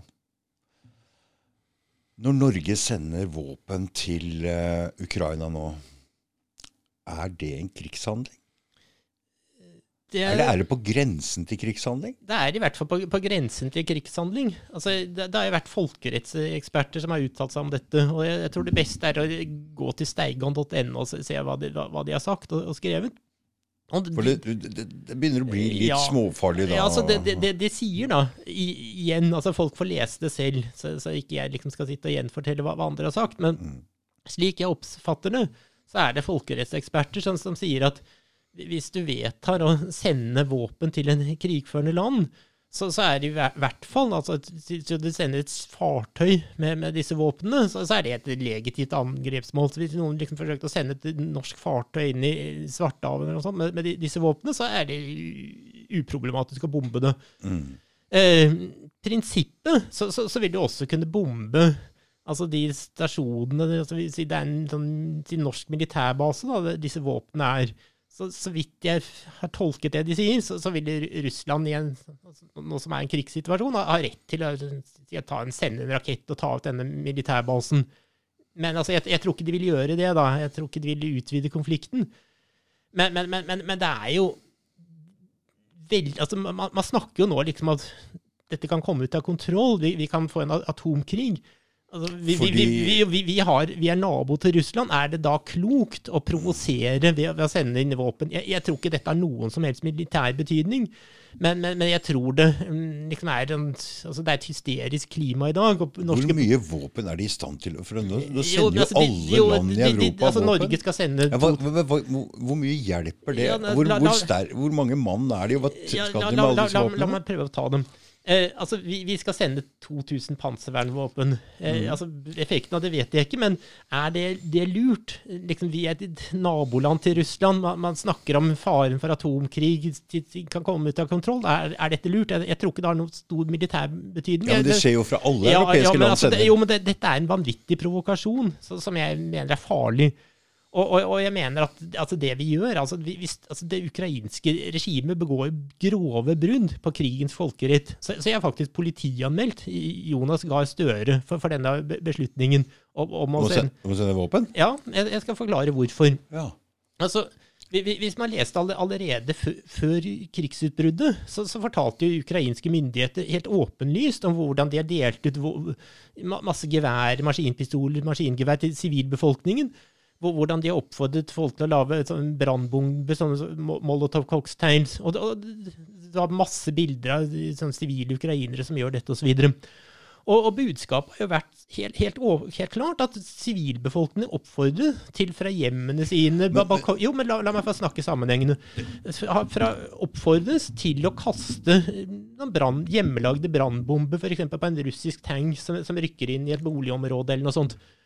Og det, det, altså, dette er klare brudd på krigens folkerett. Ja, det Ja, det jeg skal si. ja, for altså, ikke følge krigens folkerett. Så for å være en lovlig stridende, Så skal, skal du, du skal ha uniform, eller i hvert fall et fast sånn, Ja. kjennetegn. Mm. Du, du skal stå under kommando av noen som er Yes. ansvarlig for din, dine handlinger. Mm. Og at, liksom, eh, hvis du fører liksom, krig ved å oppfordre sivilbefolkningen til å kaste bomber og sånt, altså, det, har, altså, det er det er den måten en terrororganisasjon fører krig, som, som IS osv. Og, og hensikten med denne form for krigføring altså Det har sannsynligvis en veldig liten militær betydning, men, men, men det er en veldig effektiv måte for å fremprovosere si- sivile tap på. Altså, si, si, si, du er en eh, sitter i en stri- stridsvogn, da noen kaster en brannbombe på deg fra en balkong. Selvfølgelig, du, du må jo bare skyte. Og du, nå tar de jo ut den leiligheten. Det kan hende at, du liksom, at du da tar ut hele blokken. Store sivile tap. Så, For, for disse, hvis de blir tatt til fange, så gjelder egentlig ikke krigs... Nei, så I prinsippet kan, kan de bare skyte ut på stedet. Altså, det, sant, det er sånn det er ja, ja, men altså, Jeg tror ikke russerne ville gjøre det, da. Men nei, nei, men det er liksom det, det kan de gjøre. Men, Mm. men altså, det, dette er en fullstendig kynisk måte å føre krig på. Altså, altså Mm. Dagens ukrainske regime gjør tilsynelatende hva det kan for å fremprovosere sivile tap. Og, og, og norske myndigheter sender da panservernvåpen til dette regimet. Altså det, det, er så, det er så kynisk. Ja. Og, og jeg tror en, en del av det er fare, altså en del av forklaringen er at de, det ukrainske maktapparatet Jeg sier ikke at Zelenskyj selv er en representant for dette, men altså det ukrainske maktapparatet er det mengder representanter for det de kaller kan kalle det vestukrainsk eller galisisk nasjonalisme. Men du, det her er det noe rart som ikke stemmer jo. med den Han er jo jøde. Hva, Jo, er dette for noe? Jo, jo, men altså, du har likevel altså, Du kan jo være jøde, likevel har du et maktapparat som er dominert av helt andre krefter. Men du sa jo at disse drepte jo masse jøder. jo, men og... li, li- likevel, altså, det, det er jo eh, altså, Zelenskyj selv utnevnte jo en eh, erklært nazist til helt av Ukraina for noen måneder siden. Så de er venner? Det, det er et underlig, underlig forhold. Jeg, jeg tror ikke han personlig har noe sympati for dem. Men, men, men det er ut, likevel et faktum at de har volds, masse posisjoner i etterretning, militær og sånt. Og, og, og dette er folk som virkelig har et patologisk hat til russere. Og, og, de, liksom tenk, altså de, de tenker som så at Ja, men Og jøder, sa du! jo, jo, men la meg nå fortsette. Altså, de, de tenker som så at vi, hvis vi fremprovoserer store sivile tap øh, ved å liksom føre krig på denne måten, da russerne begynner å bombe, og det, det går død tusenvis av ukrainere, så, så får vi sympati, og da liksom forsterkes sanksjonene, og da, da får vi kanskje Krim tilbake, eller noe sånt. Og de har null problemer med å eh, ofre tusener, titusener, hundretusener for, for, det, for dette målet. Om, om, jo, men altså, de, betrakter jo ikke bare folk i Øst-Ukraina som fiender, men de, de betrakter jo folk også i det sentrale Ukraina som ikke ekte ukrainere. Altså, det, det er bare sånne Så folk- de gjør alt for å trekke Ja, ja, ja. Nato inn i krigen? Ja, ja, og de, de har ingen skrupler med å ofre folk i Kiev-området, for de betrakter jo ikke dem heller som, som ekte ukrainere. Det er liksom bare de folk mest rabiate nasjonalistene lang, lengst i vest som for dem er ekte ukrainere. Så, så de er villige til å ofre tusenvis av me, me, me, me, me, me, mennesker For å lage en verdenskrig? for- ja, ja, altså, ja, for i hvert fall få liksom så mot stor sympati at de tror de kan presse tilbake Krim og, så, og sånne ting. Og, og, de har heller ikke noe problem med at det blir drept masse mennesker, for da regner de selvfølgelig med at da vil resten hate russere. Så det er målet. Og, og de er jo ikke noe egentlig redd for å dø selv heller. Så det, det, dette er en veldig farlig situasjon. Veldig. Og, og, og, oppi dette skal vi da sende norske panservernraketter. Så skal de også være med i denne bykrigen. Ja, Nei, så Jeg mener det er direkte kriminelt. Og det, det er frammeldt, jeg ja, Jonas Gahr Støre. Mm. Og har liksom lagt dette ut på nett og sånt. Og heldigvis begynner det nå å bli fanget opp av russiske massemedier. Mm. Så altså, jeg, altså, dette er brudd på alle mulige prinsipper liksom, vi, vi, trodde vi sto for. Men alt ofres jo nå over bord i et sånt ja, antirussisk hysteri. Bjørn, da kommer du i skuddlinjen, for du, du har jo Du er jo du, du, har jo russiske sympatier og russisk Du mista jo jobben oppå der fordi du var liksom litt for pro Putin. Du er den første som blir arrestert her hvis det går en krig med, hvis vi kommer i krig med Russland, som vi nesten er på vei til. Så, så, så havner du på Jeg er vel sannsynligvis på en eller annen svarteliste allerede. Ja, jeg, jeg, jeg, tror nok PST følger med hva jeg skriver, og hvem som skriver til meg, osv. Mm. Men altså, så, så, så, sånn er det. Jeg syns dette er hysteri, og jeg mener Russland har opptredd altså, som en hvilken som helst stormakt vil, vil opptre. og jeg, jeg forstår ikke dette, denne voldsomme opphisselsen. Jeg, jeg, mener det er vest, vestlige land som har opptatt grovt uansvarlig ved dette statskuppet i 2014, som fremprovoserte krigen, som faktisk nå har pågått i åtte år. Så det mm. vi ser, er ikke begynnelsen på krigen, det er forhåpentligvis slutten på den. Men skal vi hoppe enda et hakk over her? For det la, la, oss tenke La oss dra covid inn i dette her. Ja. Nå har vi hatt to år med korona. Vi har et banksystem som er på vei til å svikte. Vi ser allerede den koronaen har kosta disse statene en haug med penger. Bare Ukraina-konflikten før krigen gjorde at strømpriser og energimangel i hele Europa Dette her og med dette så Prisvekst, rentestigninger, strømmen, banksystem som står og vakler med utrolig mye gjeld. Eh, folk har jo begynt å tenke på prepping allerede. Og med denne krigen midt oppi det hele, med sanksjoner og kanskje stengning av Swift-systemet, og all energi til Europa blir stengt Ukraina, som et av de største kornlagrene i verden. Hva er det vi er på vei Er dette planlagt i lang Hva er dette for noe? Jeg, jeg vet ikke, jeg er bare sjokkert. Så, så, som du sier, at nå har vi hatt liksom to år med korona, nedstengning og sånt. og at det har kostet enormt mye. Og vi, har ikke sett, vi har ikke fått regninga ennå. Vi har ikke fått regningen ennå. Man, man, skulle jo tro at nå må vi liksom prøve å bygge ting opp igjen. Så, og så, så, det virker jo som nå er man i ferd med å svi av hele verdensøkonomien. Ikke sant? Og, og det er mye som nå blir liksom innført i, i ly av dette. Oh, ja, ja, jo, Hvis vi ser på koronasertifikatet ja, som er på høring jo, jo, nå, siste altså, frist i dag Ja, altså, vi, vi hadde liksom korona. Da, da, da, forsvant jo masse borgerrettigheter. Vi ble satt yes. i arrest og sånt. Mm, ting mm, skjedde mm, mm. som vi ikke trodde var mulig. nå du, du, må folk våkne opp, ass! Dette liksom, her vi, vi, fikk ikke møte folk i våre egne hjem. Vi skulle tvangsvaksinere, så gudene må vite Fordi du var nede på Du har holdt tale nede på koronademonstrasjonen det, det, også. Mm. Men, men, altså, nå, nå skjer jo det andre nå kanskje dette i ti ganger større målstokk. da. Ja. Altså, det, det, har jo begynt allerede. Ja. Altså, det tror jeg var Dagbladet som skrev på sånn lederplass at hvis du klager på strømregningen, så er det fiende av Ukraina. jo, jo, ja, okay, men, altså, okay. jo, men de, de, de, sa at liksom, nå må Europa liksom frigjøre seg fra russisk energi, og vi må liksom nå, en, ny, en ny dugnad, da. Bygde atomkraft, bygde kullkraftverk og gjort seg klar til dette her. Fy faen. Nå liksom, snakker de om liksom, ny dugnad. Nå er det energidugnad for at Europa skal bli fri fra liksom, energi fra den fæle put. Og en del av det er selvfølgelig at da må vi gi vannkraften til Europa tåle at vi får skyhøye strømregninger, og protesterer på dette, så er det liksom fiende av Ukraina, omtrent landsforræder. Og, og, det skulle ikke forundre meg om de nå forsøker å lure oss inn i EU og liksom si at verden har blitt livsfarlig, vi må inn i EU, kanskje vi ikke trenger en avstemning eller noe sånt, eller det blir bare en sånn hysterisk kampanje, og så plutselig blir det avstemning, og folk er livredde, og, og så stemmer for det.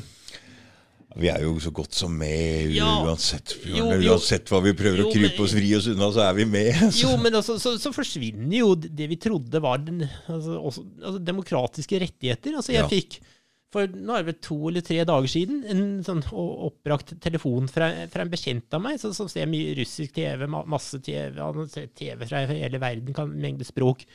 Og han sier så liksom sånn, nå er alle russiske TV-kanaler blokkert. Ja, Hva, hva betyr det egentlig? Er det på satellitt, eller Ja, altså, jeg, jeg, jeg er ikke te te teknisk, men altså, de, de var stengt av da, på, på et eller annet vis. Og, Mm. og, og jeg tipset dem om du, du kan prøve å se i hvert fall den der Razia 24, altså nyhetskanalen, den, den viktigste, kan, kan du se via YouTube. Mm. Og det, det fungerte en dag. Da, da jeg fikk, prøvde det neste dag, så, så, så var jo alt stengt av. Eh, det fikk bare opp som blokkert. Jeg ble jo, sint, og jeg fikk, da, da, liksom, det markerte meg som liksom, pro-russisk. Jeg har, det er hundrevis av russere som sender materiale til meg. Jeg har fått flere hundre nye venner på Facebook og sånt. Så, så jeg fikk en sånn flom av, av klager over at russiske kanaler var blokkert osv. Mm. Jeg ringer UD, altså jeg mener for, for hva er dette her? De, de visste ikke hva det er. Eh, eh, Så de har ingenting med det å gjøre? altså jeg, jeg prøver å finne ut hva det er, for jeg mener at dette er ulovlig. Og hvem kan ha gjort det? Ja, altså det er det jeg prøver å finne ut, men altså bare starta med med at det er ulovlig. Altså Det står i Grunnloven at liksom, det er ytringsfrihet. Norske borgere har rett til å skaffe seg informasjon på egen hånd. Mm. Du har to ytringsfrihetskonvensjoner så, som fremhever nettopp det at borgerne skal ha rett til å skaffe seg informasjon fra liksom, s- og Det, det er liksom det skal oppmuntres til. Det er en del av dem, demokratiet. Og, og plutselig bare kutter man. Slik at du, du har ikke lov til å se TV-kanaler eller mo- motta informasjon. De har, også liksom senket farten på internett slik at det, i Russland, slik at det er vanskelig å sende e-poster og sånt. Det har jeg også fått ma masse klager på. Da er vi i krig med Russland, da. For Ja, da men vil altså, det, det, altså, det er ikke krig med Russland. Det er det er et regime som kriger mot sine egne borgere, i tilfelle dette norske borgere. At norske myndigheter eller EU eller hvem det er, bare sier at du, du har ikke lov til å eh, benytte deg av det, det du trodde var dine demokratiske rettigheter. Jeg, jeg, jeg ble jo virkelig forbannet, så, så jeg ringte jo da eh, Dagbladet og VG. og Jeg tror det var Dagbladet fikk jeg snakke ganske lenge med en journalist. og han eh, prøvde jo selv å koble seg til, og konstaterte at de hadde rett når jeg sa at dette er eh, ja, blokkert. Du får bare opp sånn denne siden er blokkert. Eh, han var jo enig i mine betraktninger om ytringsfrihet. Han satt og noterte eh, flittig, hørte jeg i bakgrunnen at han skrev på eh, PC-en sin. Så jeg liksom tenkte at han lager en reportasje om det, men det, det kom jo ingenting, så han har vel da fått høre av noen liksom oppe i systemet at liksom, det, dette er prorussisk, det, det må vi være, være forsiktige med. Men, men, men det er jo uhørt at om det er da YouTube eller EU-beslutninger, altså uansett skal norske myndigheter gjøre sitt ytterste for, for å forsvare norske borgeres rett til å innhente informasjon. Så da, da skulle jo de klage til YouTube. Det, er ikke jeg som skal klage, det er norske myndigheter, men altså, de er bare med på disse eh, tiltakene. Så, så, så jeg har liksom ringt noen, hva er det det heter, Menneskerettighetshuset. For- Fordi jeg mener at dette er et grovt angrep på mine demokratiske rettigheter eller me- me- menneskerettigheter. Jeg har ikke fått noe svar fra dem. Altså, de, de er kanskje på sånne Ukraina-demonstrasjoner alle sammen. Men, men, men dette er jo grovt. Altså, men vi- dette vi- ligner jo litt Det grann på covid-situasjonen Ja, vi ja, hadde, med masse massesensur. ja, ja, jo, altså, Ting vi ikke har lov til, menneskerettigheter Ja. som blir borte det og, og, og en media som er ensidig i dekning. Det ligner veldig Ja, ja, mye. altså- Det er mange momenter som er kliss like Ja, altså vi, vi, altså vi får jo høre at det er veldig ille i Kina. Der de er liksom en sånn mur mot Ja, ja, internett. ja, har vi- har vi fått høre i mange år. Ja, men altså, nå har vi den samme muren Ja, her. ja, Vi, vi, får høre at liksom det, det er sensur i Russland. Men altså, så vidt jeg vet, kan, kan du se vestlige TV-kanaler i Russland. Det det er sikkert også en sensur der, i og med at det er, men de er faktisk i krig. Men, men altså, uansett hvordan det måtte være i Russland eller Kina eller andre steder altså, Som norsk borger skal du ha rett til å skaffe deg informasjon fra det du vil. Altså, det eneste unntaket måtte være at altså, du liksom ikke kan skaffe deg informasjon fra IS eller noen, noen som liksom oppfordrer til terror. Du, eller noe sånt. du, du sa du hadde kontakt med masse russere som bor i Europa, eller? I Norge. Altså, I Norge, ja. Men også, Men- også ukrainere. For, Men, altså, men det jeg lurer på, er, er, er det bare Norge som har stengt av de russiske nei, nei, eller altså, er det hele Europa? Hele Europa. Hele Europa. Ja, altså, det, det er et EU-vedtak. Altså, EU-vedtak, Det var hun er heter, von der Leyen eller noe sånt, den EU-sjefen, som, som sto åpen frem og sa at vi, nå har vi stengt ru- russisk Ja, men vi er ikke med i EU, Bjørn! Nei, vi, altså, vi er ikke med. Selvfølgelig er vi medlem. Ja, vi er medlem, vi er jo medlem, hælen på Jeg har sagt nei flere ganger, men de Ja. ikke noen ting. Nei, Vi er nei. medlem. Nei, så de har bare sluttet seg til dette her. Eh, Jeg vet ikke om norske myndigheter engang er informert om det. Jo, det må det vel være, dette vedtaket. Men altså, uansett, dette er blokkert. Og det, det, skjer jo andre grove ting. Altså, nå, nå er det jo sånne lister der liksom pro-ukrainske aktivister kartlegger politiske holdninger til ru- russere i Norge. Ja, altså det, det har jeg også fått mengder av henvendelser om. Jeg har fått sånne skjermdumpinger av disse ek ekstremistene. og hva slags e-poster. Og nå kommer det mange av dem hit! Ja, det, det blir ikke særlig hyggelig. nei. Nei, nei, nei, men altså, det, det, er, helt uhørt. Ja, for nå skal de åpne opp eh, hele Europa for eh, så mange eh, ukrainere som helst. Uten noe papir, uten noe Ja, altså, så- noe eh, Det er bare å komme ja, så så mange. altså, du har jo en sammensatt gruppe. Mange er sikkert flyktet fordi de er oppriktige. Ja, ja, jeg sier ikke det, men de åpner opp for fri, fri innvandring fra altså, Ukraina ja, ja, her altså, nå. Du, du, du får, altså, mange er redde for krigen. Mm. Andre er selvfølgelig en ganske stort element av opportunisme her. At liksom, plutselig er det åpent. Liksom, Ukraina var også for liksom, den siste oppblomstringen av krigen et sammenbrutt land. Altså, nå, nå har de en Mm, sjanse til å komme, kanskje tro at de får en fremtid i Men det er jo også en måte å spre en slags antirussisk Ja, altså, befolkning jo, jo. befolkning inn Altså, i vi- Europa. Altså, vi, vi må jo tro at de liksom mest eh, rabiate, eh, for å si det rett ut, nazistene, da, eh, flykter fra Ukraina nå. I hvert fall hvis dette nåværende regimet faller og det blir innsatt et mer eh, russiskvennlig. Så da, da- kan vi få tilstander her med sånne regler Oh til fa- fascistaktivister her òg. Så da får vi en blanding mellom eh, muslimer som er bomba sønder og sammen og sendt opp hit, som er sure på oss. Og så, så får vi en haug med ukrainere som er sinte på russere. Så er vi liksom i konflikt med russere. Det blir ganske bra blanding med folk her etter hvert. men altså, men altså, det, er jo helt utrolig. Altså, det, det er jo ulovlig, det, det disse aktivistene gjør. Men altså, jeg, jeg tror de selv tror at de liksom omtrent opptrer for norske myndigheter, så, som ikke er rart med det hysteriet vi har. Så, så, så det er rett og slett grupper som åpent tar til ord for at man skal liksom kartlegge russere med i gåseøyne feil holdninger. Altså, er det russere i Norge eller Vesten eller Amerika? Hvem er det som går for det? Altså det er pro-ukrainske aktivister og, og nordmenn som sympatiserer med dem, som har satt i gang en sånn ren sånn heksejakt, der de, de forsøker å eh, registrere russere som ikke er villige til å si at eh, Russland har skyld for krigen, Putin er en diktator og sånt. Vi- Sier du ikke det, så skal du liksom registrere. Så folk er jo, det er ulovlig. Altså, da, da jeg politianmeldte Jonas Gahr Støre, så, så snakket jeg med en politijurist om det, dette, han sa at dette er ulovlig. Ja. Da, folk må jo anmelde det hvis de utsettes for det. Ja. Men, men altså med det hysteriske klimaet vi har i, no i Norge i dag, så, så vet jeg ikke om det er lurt å anmelde. Det kan kanskje bli verre. Så jeg liksom prinsipielt mener jeg at folk skal anmelde dette her, men altså man må se liksom, situasjon for situasjon, og folk må selv foreta sine valg. Men altså, det er rett og slett det vi opplever i dag, er en psykose, og det, og det er farlig. Altså, det, det er så, så vanvittig. Altså, jeg, jeg tror det, det mest vanvittige jeg har sett til nå, det det er et vedtak om at man skal utestenge russiske katter fra eh, katte, sånn kattekonkurranser. Ja. Jo, altså, jeg, jeg vet ikke om det er om eieren er russisk, eller om det er liksom det er, er, Katterasen er det, det, jo, russisk. jo, men det er en kasse, katterase som heter Russian Blue, vet jeg. Å fy, den må det, er mulig den er, er boikottet på katteutstillinger i, i sympati med Ukraina. Altså, Jeg har faktisk fått e-post og bilder av dette. Til- Tilsynelatende. Men altså, det er de villeste aksjoner. Altså, jeg, jeg klarer ikke altså, Det er bare å lese VG eller Dagbladet på nettet, så kommer de, rareste sånne in initiativer for å vise sympati med Ukraina i disse dager. Her er det bare å hive seg på for å bli populær, få en stjerne i boka si. Ja, ja, altså, det er en mengde som sa sånn ukrainsk sånn, Du vet sånn liten stjerne du fikk når du var liten? Ja, ja. Sånn Ja, ja, selvfølgelig. på, meg. Nei, altså, det er en, det er en farlig situasjon. Og altså, jeg, jeg, jeg- jeg vet ikke hva, hva, hva jeg skal si i forhold til situasjonen. Altså, jeg jeg tror det, altså det, det det mangler bunner i, er rett og slett vestlig hybris. At man, man Hva er det for noe? overmot. At man, man klarte ikke å liksom akseptere at liksom Russland som en hvilken som helst annen stormakt har interesser, og den, den, den forsvarer det.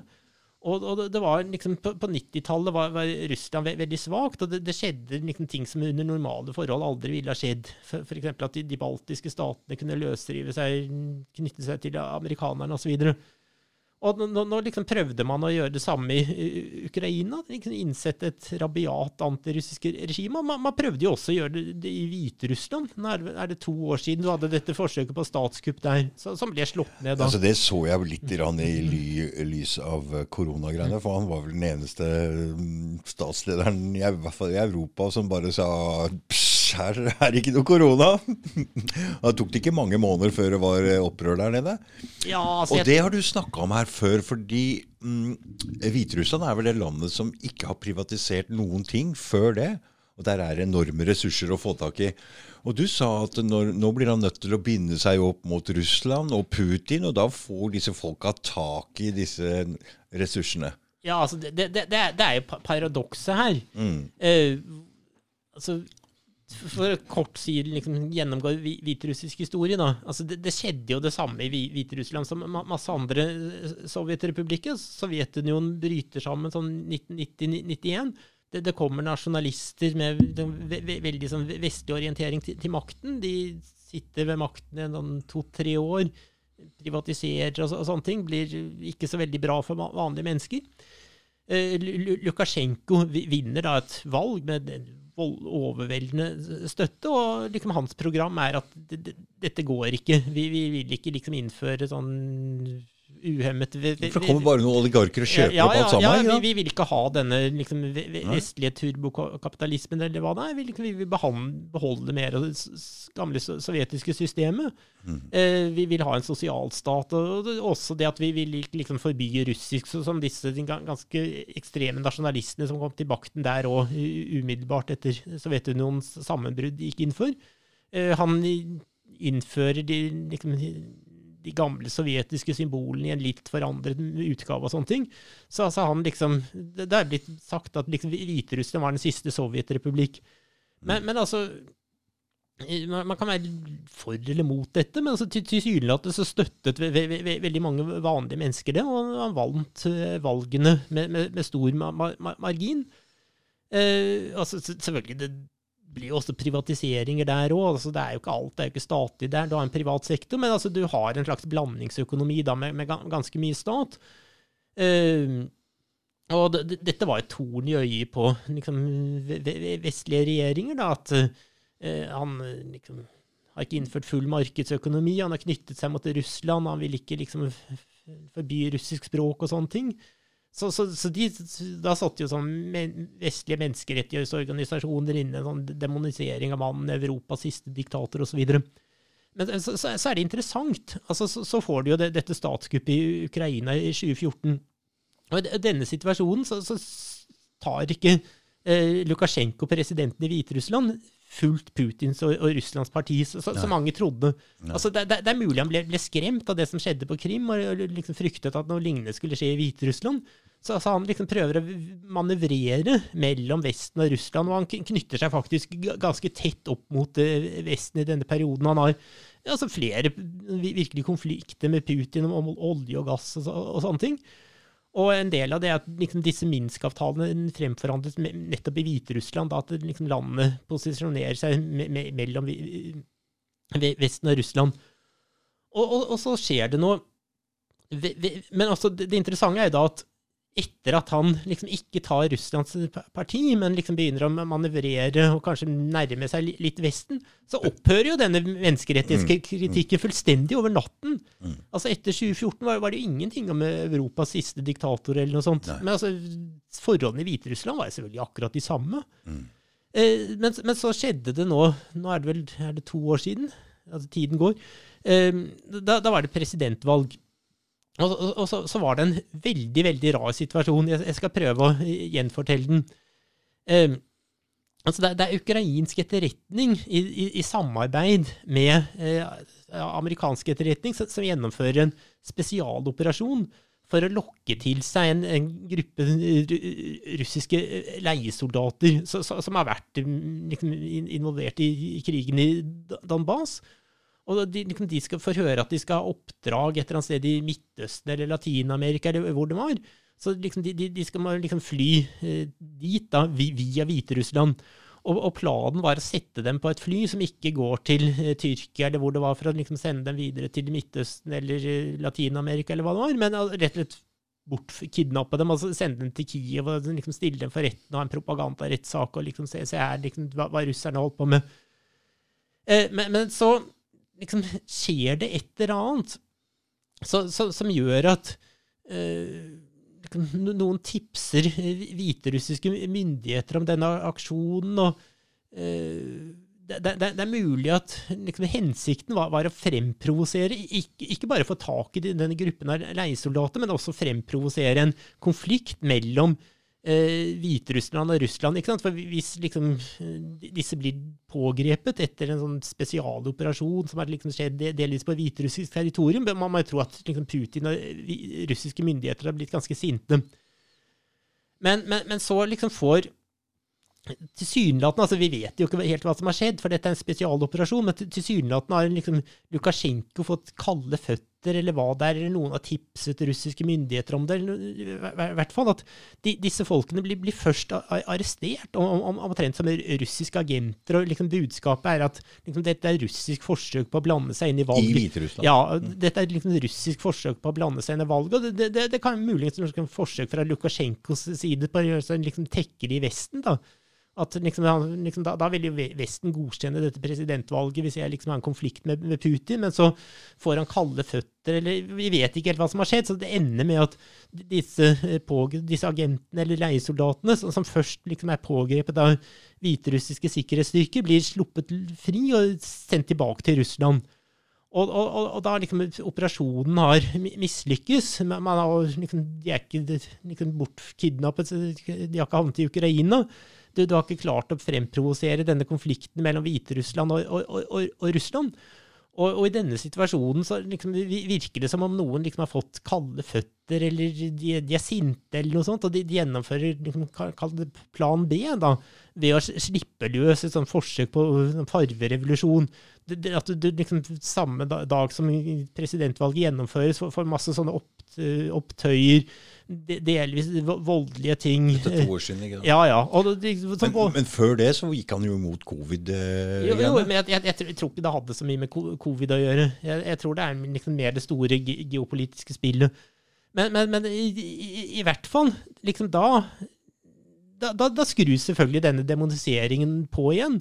Liksom, den har vært skrudd av i 2014, så liksom Kanskje liksom innfrir han ikke disse forventningene om at nå orienterer han seg mot Vesten.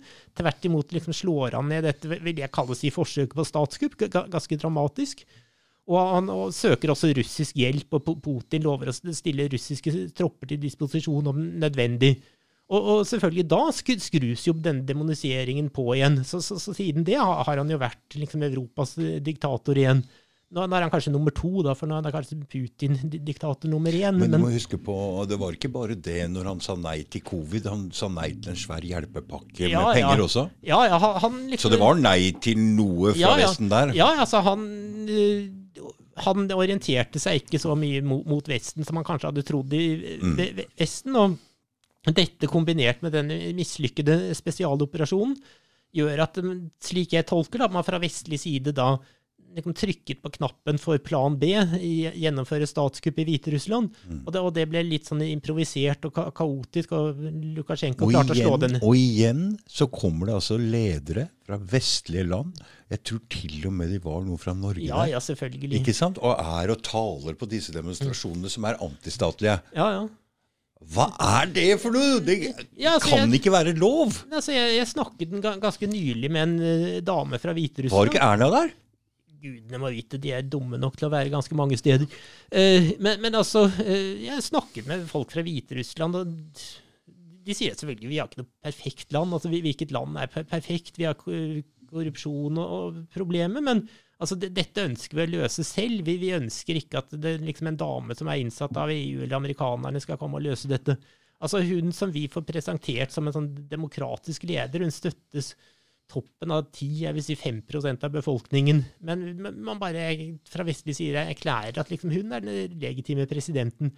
Har, altså jeg har jo lest igjen altså nå, nå er det jo en folkeavstemning i disse dager om en ny konstitusjon i Hviterussland. Og, og det, det, det, har vært en stor diskusjon om det eh, mange måneder før. Du hadde sosiologiske meningsmålinger og for, forskjellige eh, spørsmål.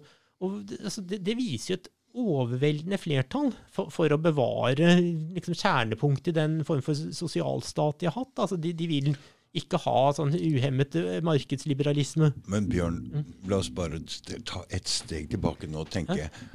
Hva er det de vil oppnå med å presse Russland så hardt? Ja, de, er det krig de vil oppnå? Eller fordi altså, Amerikanerne vil sannsynligvis ha en krig i Europa. Ja, fordi at eh, Men altså en krig med en så sterk makt som Russland altså det, Da svir du av store deler av Europa, men det, det er kanskje det amerikanerne vil.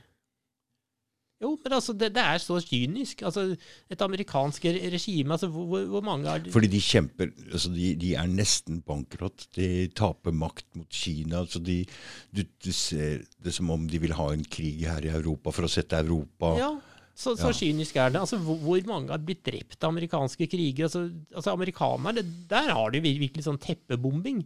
Altså, Russerne har ikke gjort det til nå i Ukraina. Til nå har det vært en politi, mer politiaksjon enn virkelig krig. Det, det må være å skifte ut regime, ikke ødelegge landet osv. Mm.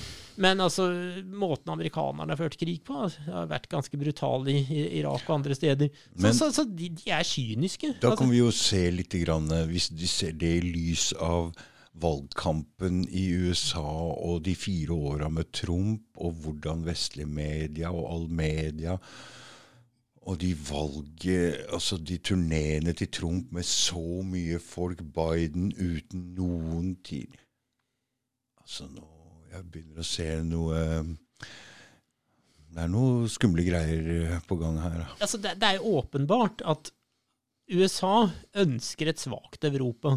Og måten å få et svakt Europa er å hindre et samarbeid mellom Europa og Russland med videre forbindelser. Det skjønner jeg, det, det er ikke så ja, men den krigen Jo, men altså, man er da villig til å ha en krig. For altså, de, de vet jo at liksom, krigen Det blir ikke noen krig USA blir involvert i. Altså, de er, som, som Russland, mengder av kjernefysiske våpen. Og så de føler seg rimelig sikre på at Er det kjernefysiske våpen i, i Europa? Frankrike ja, har vel? Frankrike, England har Storbritannia har det. Det er vel uh, amerikanske kjernevåpen, i hvert fall i Tyskland. Men, men, men, men i hvert fall at, at, de tenker så kynisk at uh, krig i Europa det er sannsynligvis bra, for da får du sanksjoner som vanskeliggjør handel mellom Folk er gærne. Jo, jo, men, jo, Folk altså, er klin Jo, men altså, det, det, som er virkelig ille, at man, det er ikke noe vanskelig å liksom forstå at fra et amerikansk synspunkt er kanskje en krig i Europa bra, men det, det, som er ille, er at vi har ikke hatt europeiske ledere som har klart å stå opp mot det. Altså, mm. Tidligere har de hatt ledere som de Gaulle, Willy Brandt, kanskje også ledere som Helmut Kohl osv. Altså, det, det var mennesker som kunne stå opp for europeiske interesser. Det har vi ikke. Og, da, og igjen, altså, alle, for, for en repetering av det, altså, alle var klar over at Ukraina kan ikke bli medlem av Nato. Det ser vi jo i dag. Ikke noen er villig til å slåss for Ukraina mot kjernevåpenmakten i Russland av åpenbare grunner. Og hvorfor kunne man ikke da gjøre det Putin ba om? Garantere et nøytralt Ukraina som aldri blir medlem av, Nato, garanterer for et kjernevåpenfritt uh, Ukraina, eller et Ukraina uten andre, også andre former for masseødeleggelsesvåpen. Det var det Putin ville ha. Og, men altså, hvorfor i all verden var, var, det ingen europeiske leder som kunne si at dette er jo fornuftig, vi, vi garanterer for det? Hadde du hatt en fransk president eller tysk kansler som hadde bare sagt åpenlyst Ukraina blir aldri medlem av Nato, det er uakseptabelt å ha noe annet enn et demilitarisert eh, Ukraina. Da hadde du ikke hatt denne krigen. Det, det, var åpenbart, men du hadde ingen europeisk leder som hadde ryggrad nok til å si det. Og du, du så jo det. Altså, da kunne de jo så gråte som, som europeer.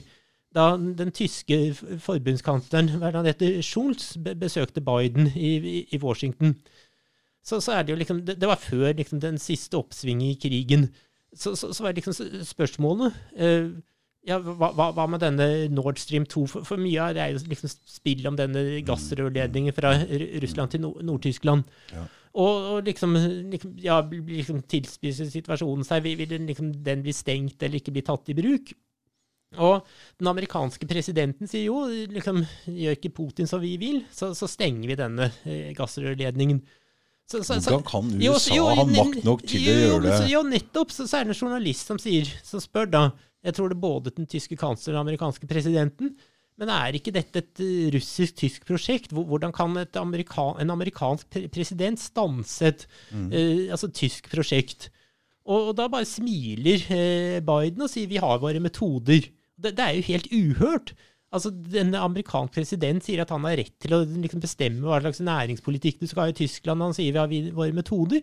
Og den tyske kansleren tør ikke å protestere mot Det dette. vet du hva det jo, betyr, jo, men altså, det, jo, men altså, det er jo da at det er den amerikanske Ja, men de har ikke sluppet makta i Tyskland ennå. Nei, nei, men altså, Den amerikanske presidenten er en form for sånn overlærer. da, Og, og liksom europeiske ledere er som noen sånne skremte skolegutter.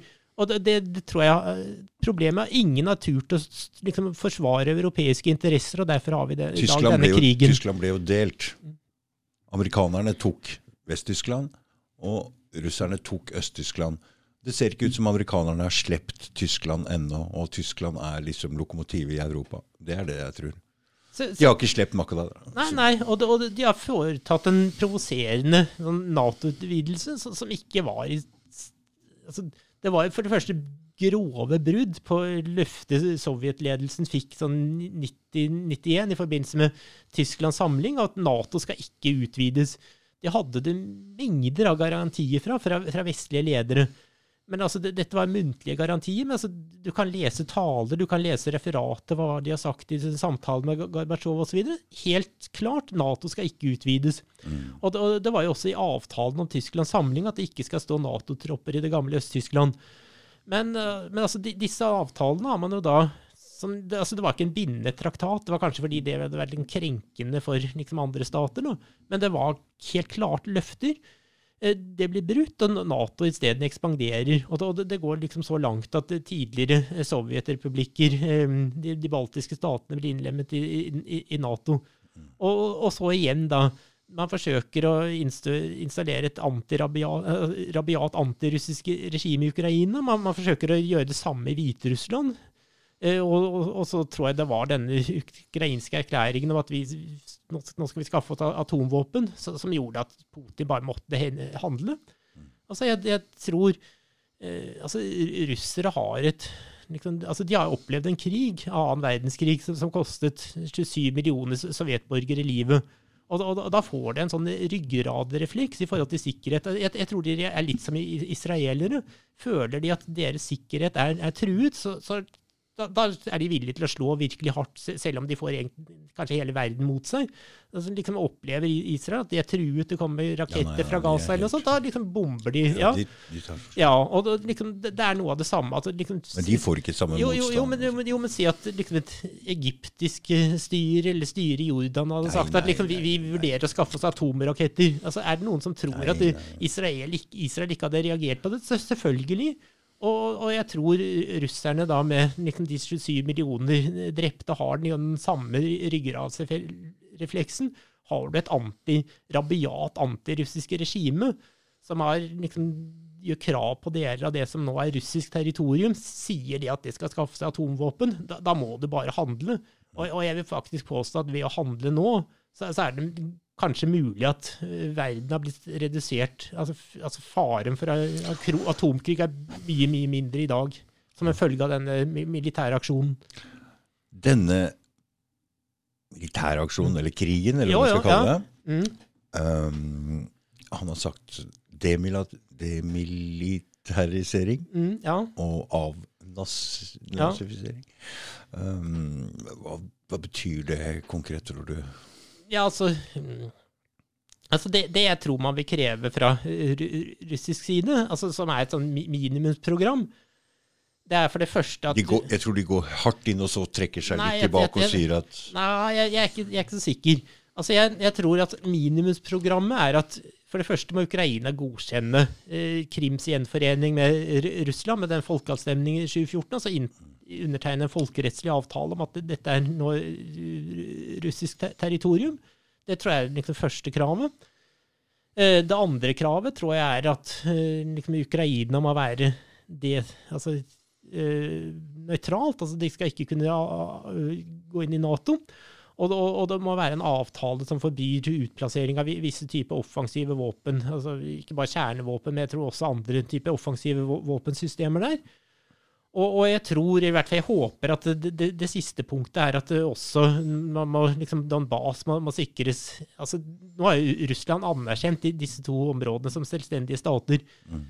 Eh, at eh, det, det ville være ganske kynisk av russisk side man nå liksom skal gi dette tilbake til Ukraina. Så, så jeg håper at det er også en sånn, på denne listen over minstekrav er at de, disse områdene må, må, løsrives. Altså, De har virkelig lidd nok. de har lidd nok, ja. Jeg skjønner det med kravene, men hva er det han prøver å oppnå der inne før jo, han går ut igjen? Jo, men altså, det, jo, jo, jo, det, det, er, det er kravene. Mm. Altså Krim, avvæpning, forhåpentlig vil også løsrivelse av Donbas. Det, det er liksom minimumskravene. Mm.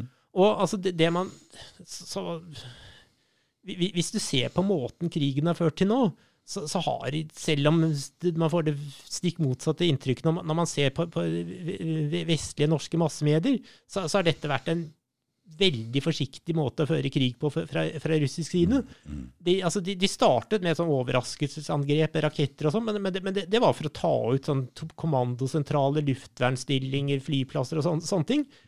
Uh, selvfølgelig for å skaffe seg militær overmakt. særlig her. For de bomber ikke særlig med nei, fly? Nei, nei altså, de, de, begynte rett og slett med raketter for å liksom slå ut luftvern, flyplass. Altså, det primære var vel ta sånn militær infrastruktur, fly, luftvern, fly altså etablere luftherredømme for Jan, da, da, har du en ganske stor overlegenhet.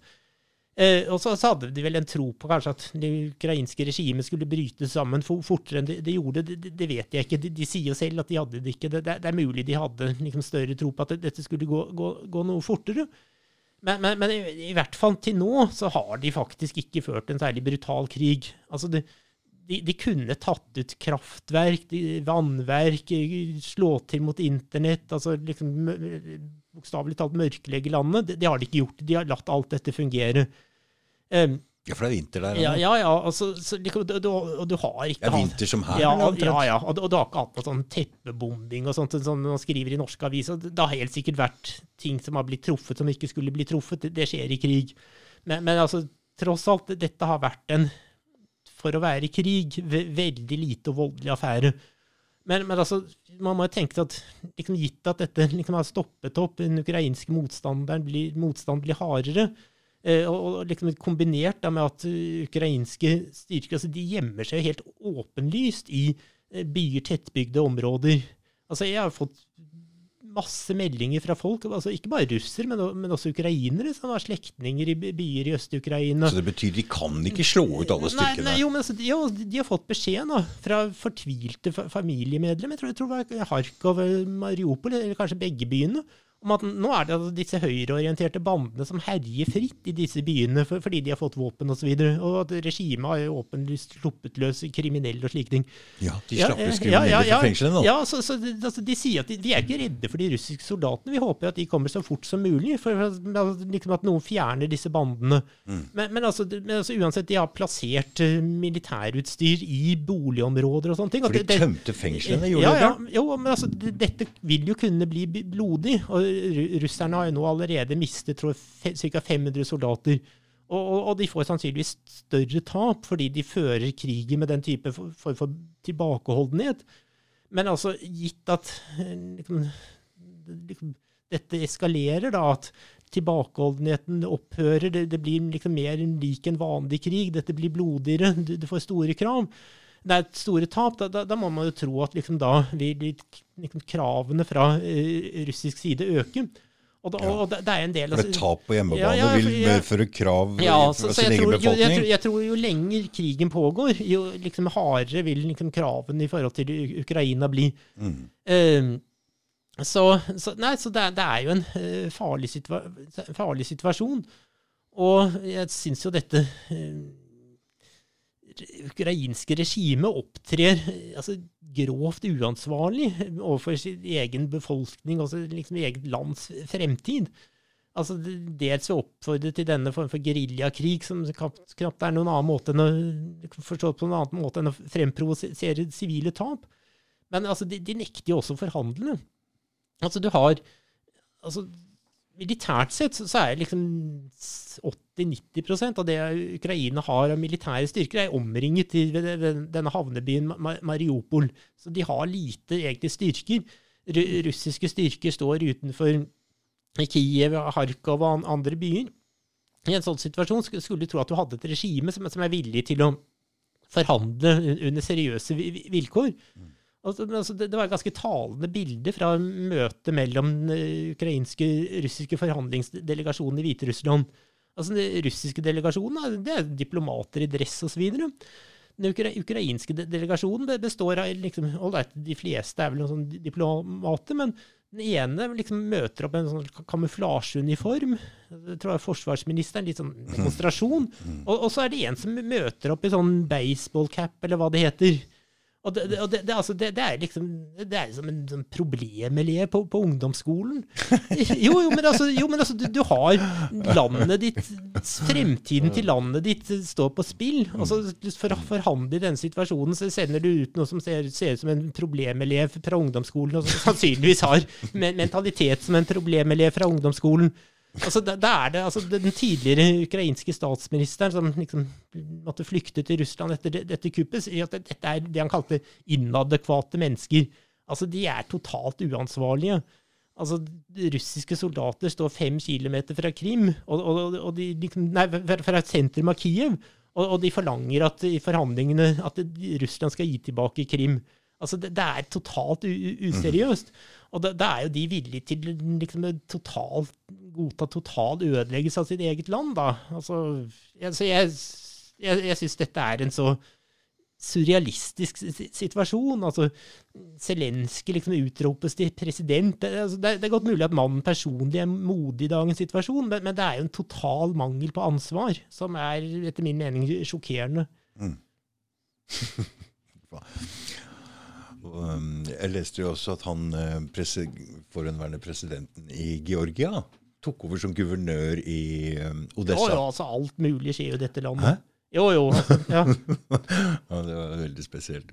For der var det jo bråk først. Ja. Eh, vi, og han, ble, han, er jo ikke gift med en amerikansk diplomatdame og rømte til og er etterlyst i Georgia for oh, kriminelle handlinger, og kommer til USA og blir sendt fra USA til den republikken, eller Odessa, der hvor det, var, der ble brant av de folka, og tar over som guvernør der og blir lønna av USA. Ja, ja. Altså, det er helt Altså, det går ikke ja, altså, det, det, er, det er helt spesielt. Hva? Ja, og du, du, har jo liksom, egentlig ganske åpenbare paralleller mellom situasjonen i 2008 og situasjonen i to, 2002. Altså, Georgia hadde du en sånn konflikt mellom den georgiske sentralmakten og en utbryterrepublikk som ble, ble støttet av eh, Russland. Likt, ja. ja. Og liksom i flere år hadde da amerikanske myndigheter sendt våpen til eh, georgiske sentralmakten, trent soldater osv. Og, og så, slik jeg tolker det, altså de har rett og slett oppmuntret eh, denne presidenten til, til, å angripe denne utbryterrepublikken. Så, så han startet et vanvittig militærangrep. Altså, det, det var forresten også under OL. Eh, men, men altså, so Forresten også under OL. Ja, sommer-OL. Ja, og, men altså Et eller annet med OL. Jo, jo, jo, gudene må vite. Men altså, Russland svarer jo da militært, og selvfølgelig Georgia blir slått ut i løpet av fem dager. Og det er den franske presidenten som klarer å få en sånn våpenhvileavtale. Og resultatet er da at eh, både Sør-Ossetia og en annen sånn utbryterrepublikk av Abkhasia nå er anerkjent av Russland som selvstendige stater. Mm. Men, men, selvfølgelig, altså USA pumper inn våpen. De opp, sannsynligvis oppmuntrer denne krigen.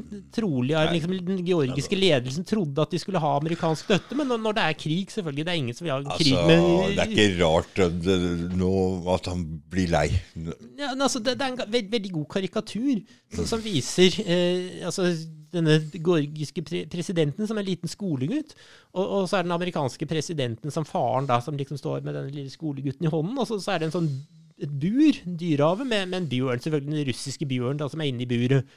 Og så liksom er det en sånn stokk. Poke, poke ja, the bear. Ja, ja, og så er det en stokk med en sånn stjerne som skal være sånn symbol for Nato eller vestlig militærmakt. eller noe sånt. Så er liksom faren eller presidenten liksom pirk borti bjørnen. Mm. Og liksom guttungen gjør det. Så sånn eksplosjon. Eh, Bjørnen har brutt ut i buret. Guttungen er slått ja, mer eller mindre i hjel. Mm. Og, og, faren bare spaserer bort. Ja, det, det er den samme situasjonen du har hatt i Ukraina. altså Vestlige ledere, i hvert fall fra amerikansk side. Men vi så ikke den reaksjonen under, når du gikk inn i Georgia. Nei. Eh, altså, det, det, dette er eh, altså, det, er jo Det er 20-gangeren. ja, 50 ganger, 100-gangeren. Ja, ja. Altså, hva, hva, hva skyldes det? Altså, jeg, jeg, klarer altså, Jeg syns det er et hysteri som, som forbauser meg, eller forferder meg. Altså, du har jo hatt kriger i Europa, faktisk. Mm.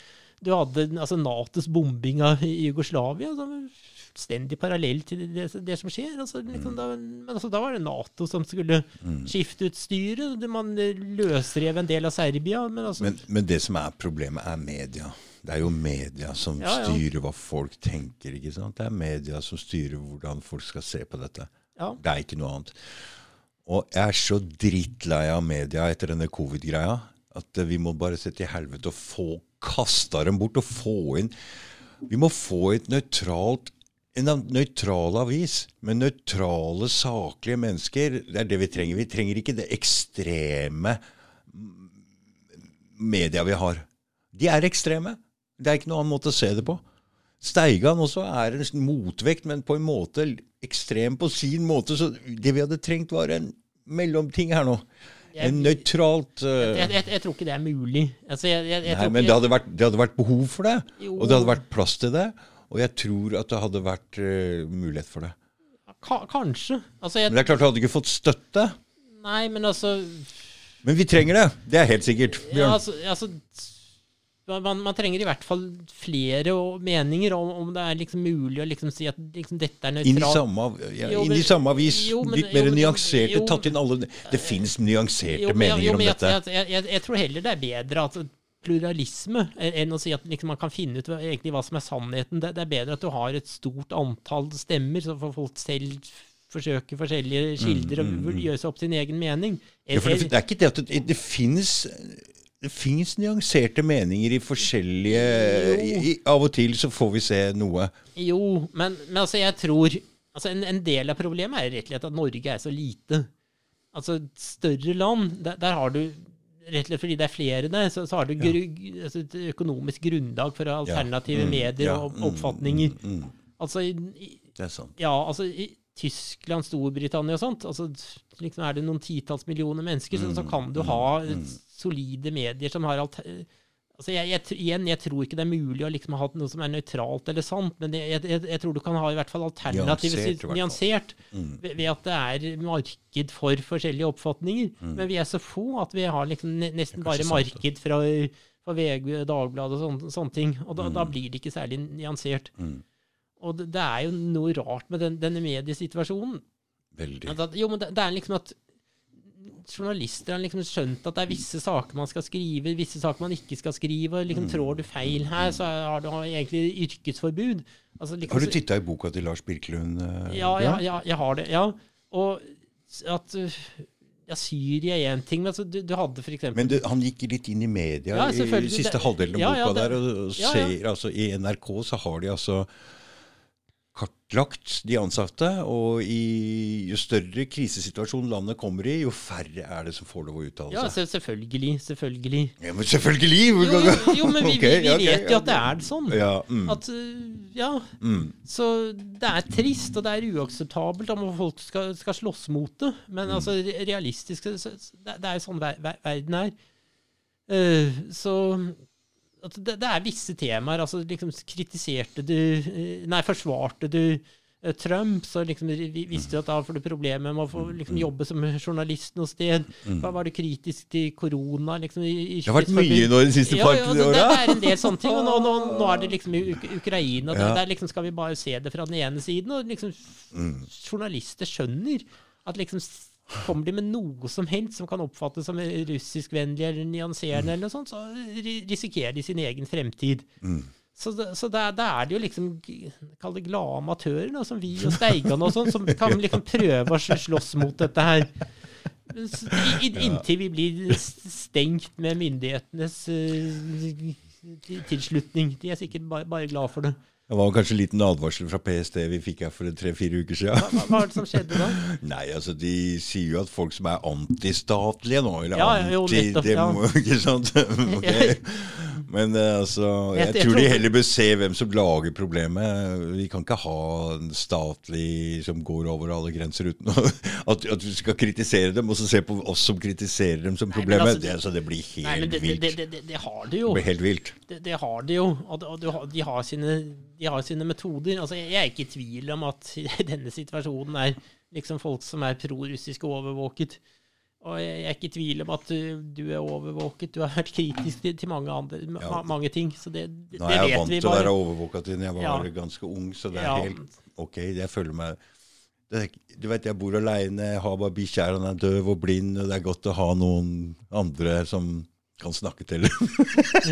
Jo, jo, men- jo men, men, det, men det er altså, de, de, de siste dagene har vært, vi vært i en ekstraordinær situasjon. Ja. Altså, jeg, jeg liksom Det var vel forgårs, så, så liksom la jeg ut eh, e-postadressen min på Facebook og, og sa at Og det er en reell mulighet at liksom, vi er i folk som har liksom kommunisert med meg på Facebook, og det har vært en voldsom aktivitet de, siste dagene, er jo stort sett prorussiske, da. Mm. Og man må regne med at det- dette kan bare bli stengt over natten. Altså du, liksom, du har vært ekstremist eller noe, så da er det bare borte.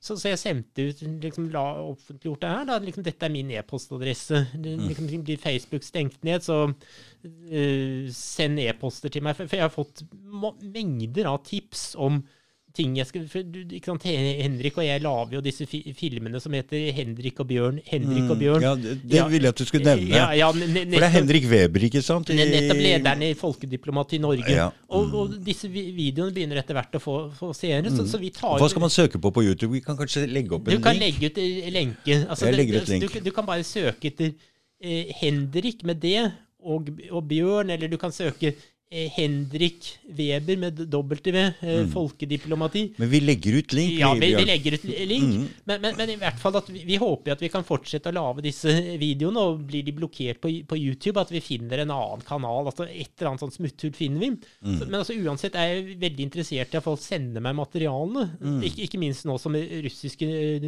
TV-kanaler og sånt er blokkert. Mm. Og, og jeg jo, altså, og jeg er jo motsatt. altså nå er det så mye at jeg klarer ikke å svare på alt. Og jeg liksom kan kanskje her og nå da bare si at eh, takk, men jeg, dessverre, jeg klarer ikke alt. Så Mm. det, det er ikke fordi jeg ikke er uhøflig eller overlegen, eller noe sånt, men at det rett og slett har kommet så mye at jeg nesten ikke klarer å forholde meg til det.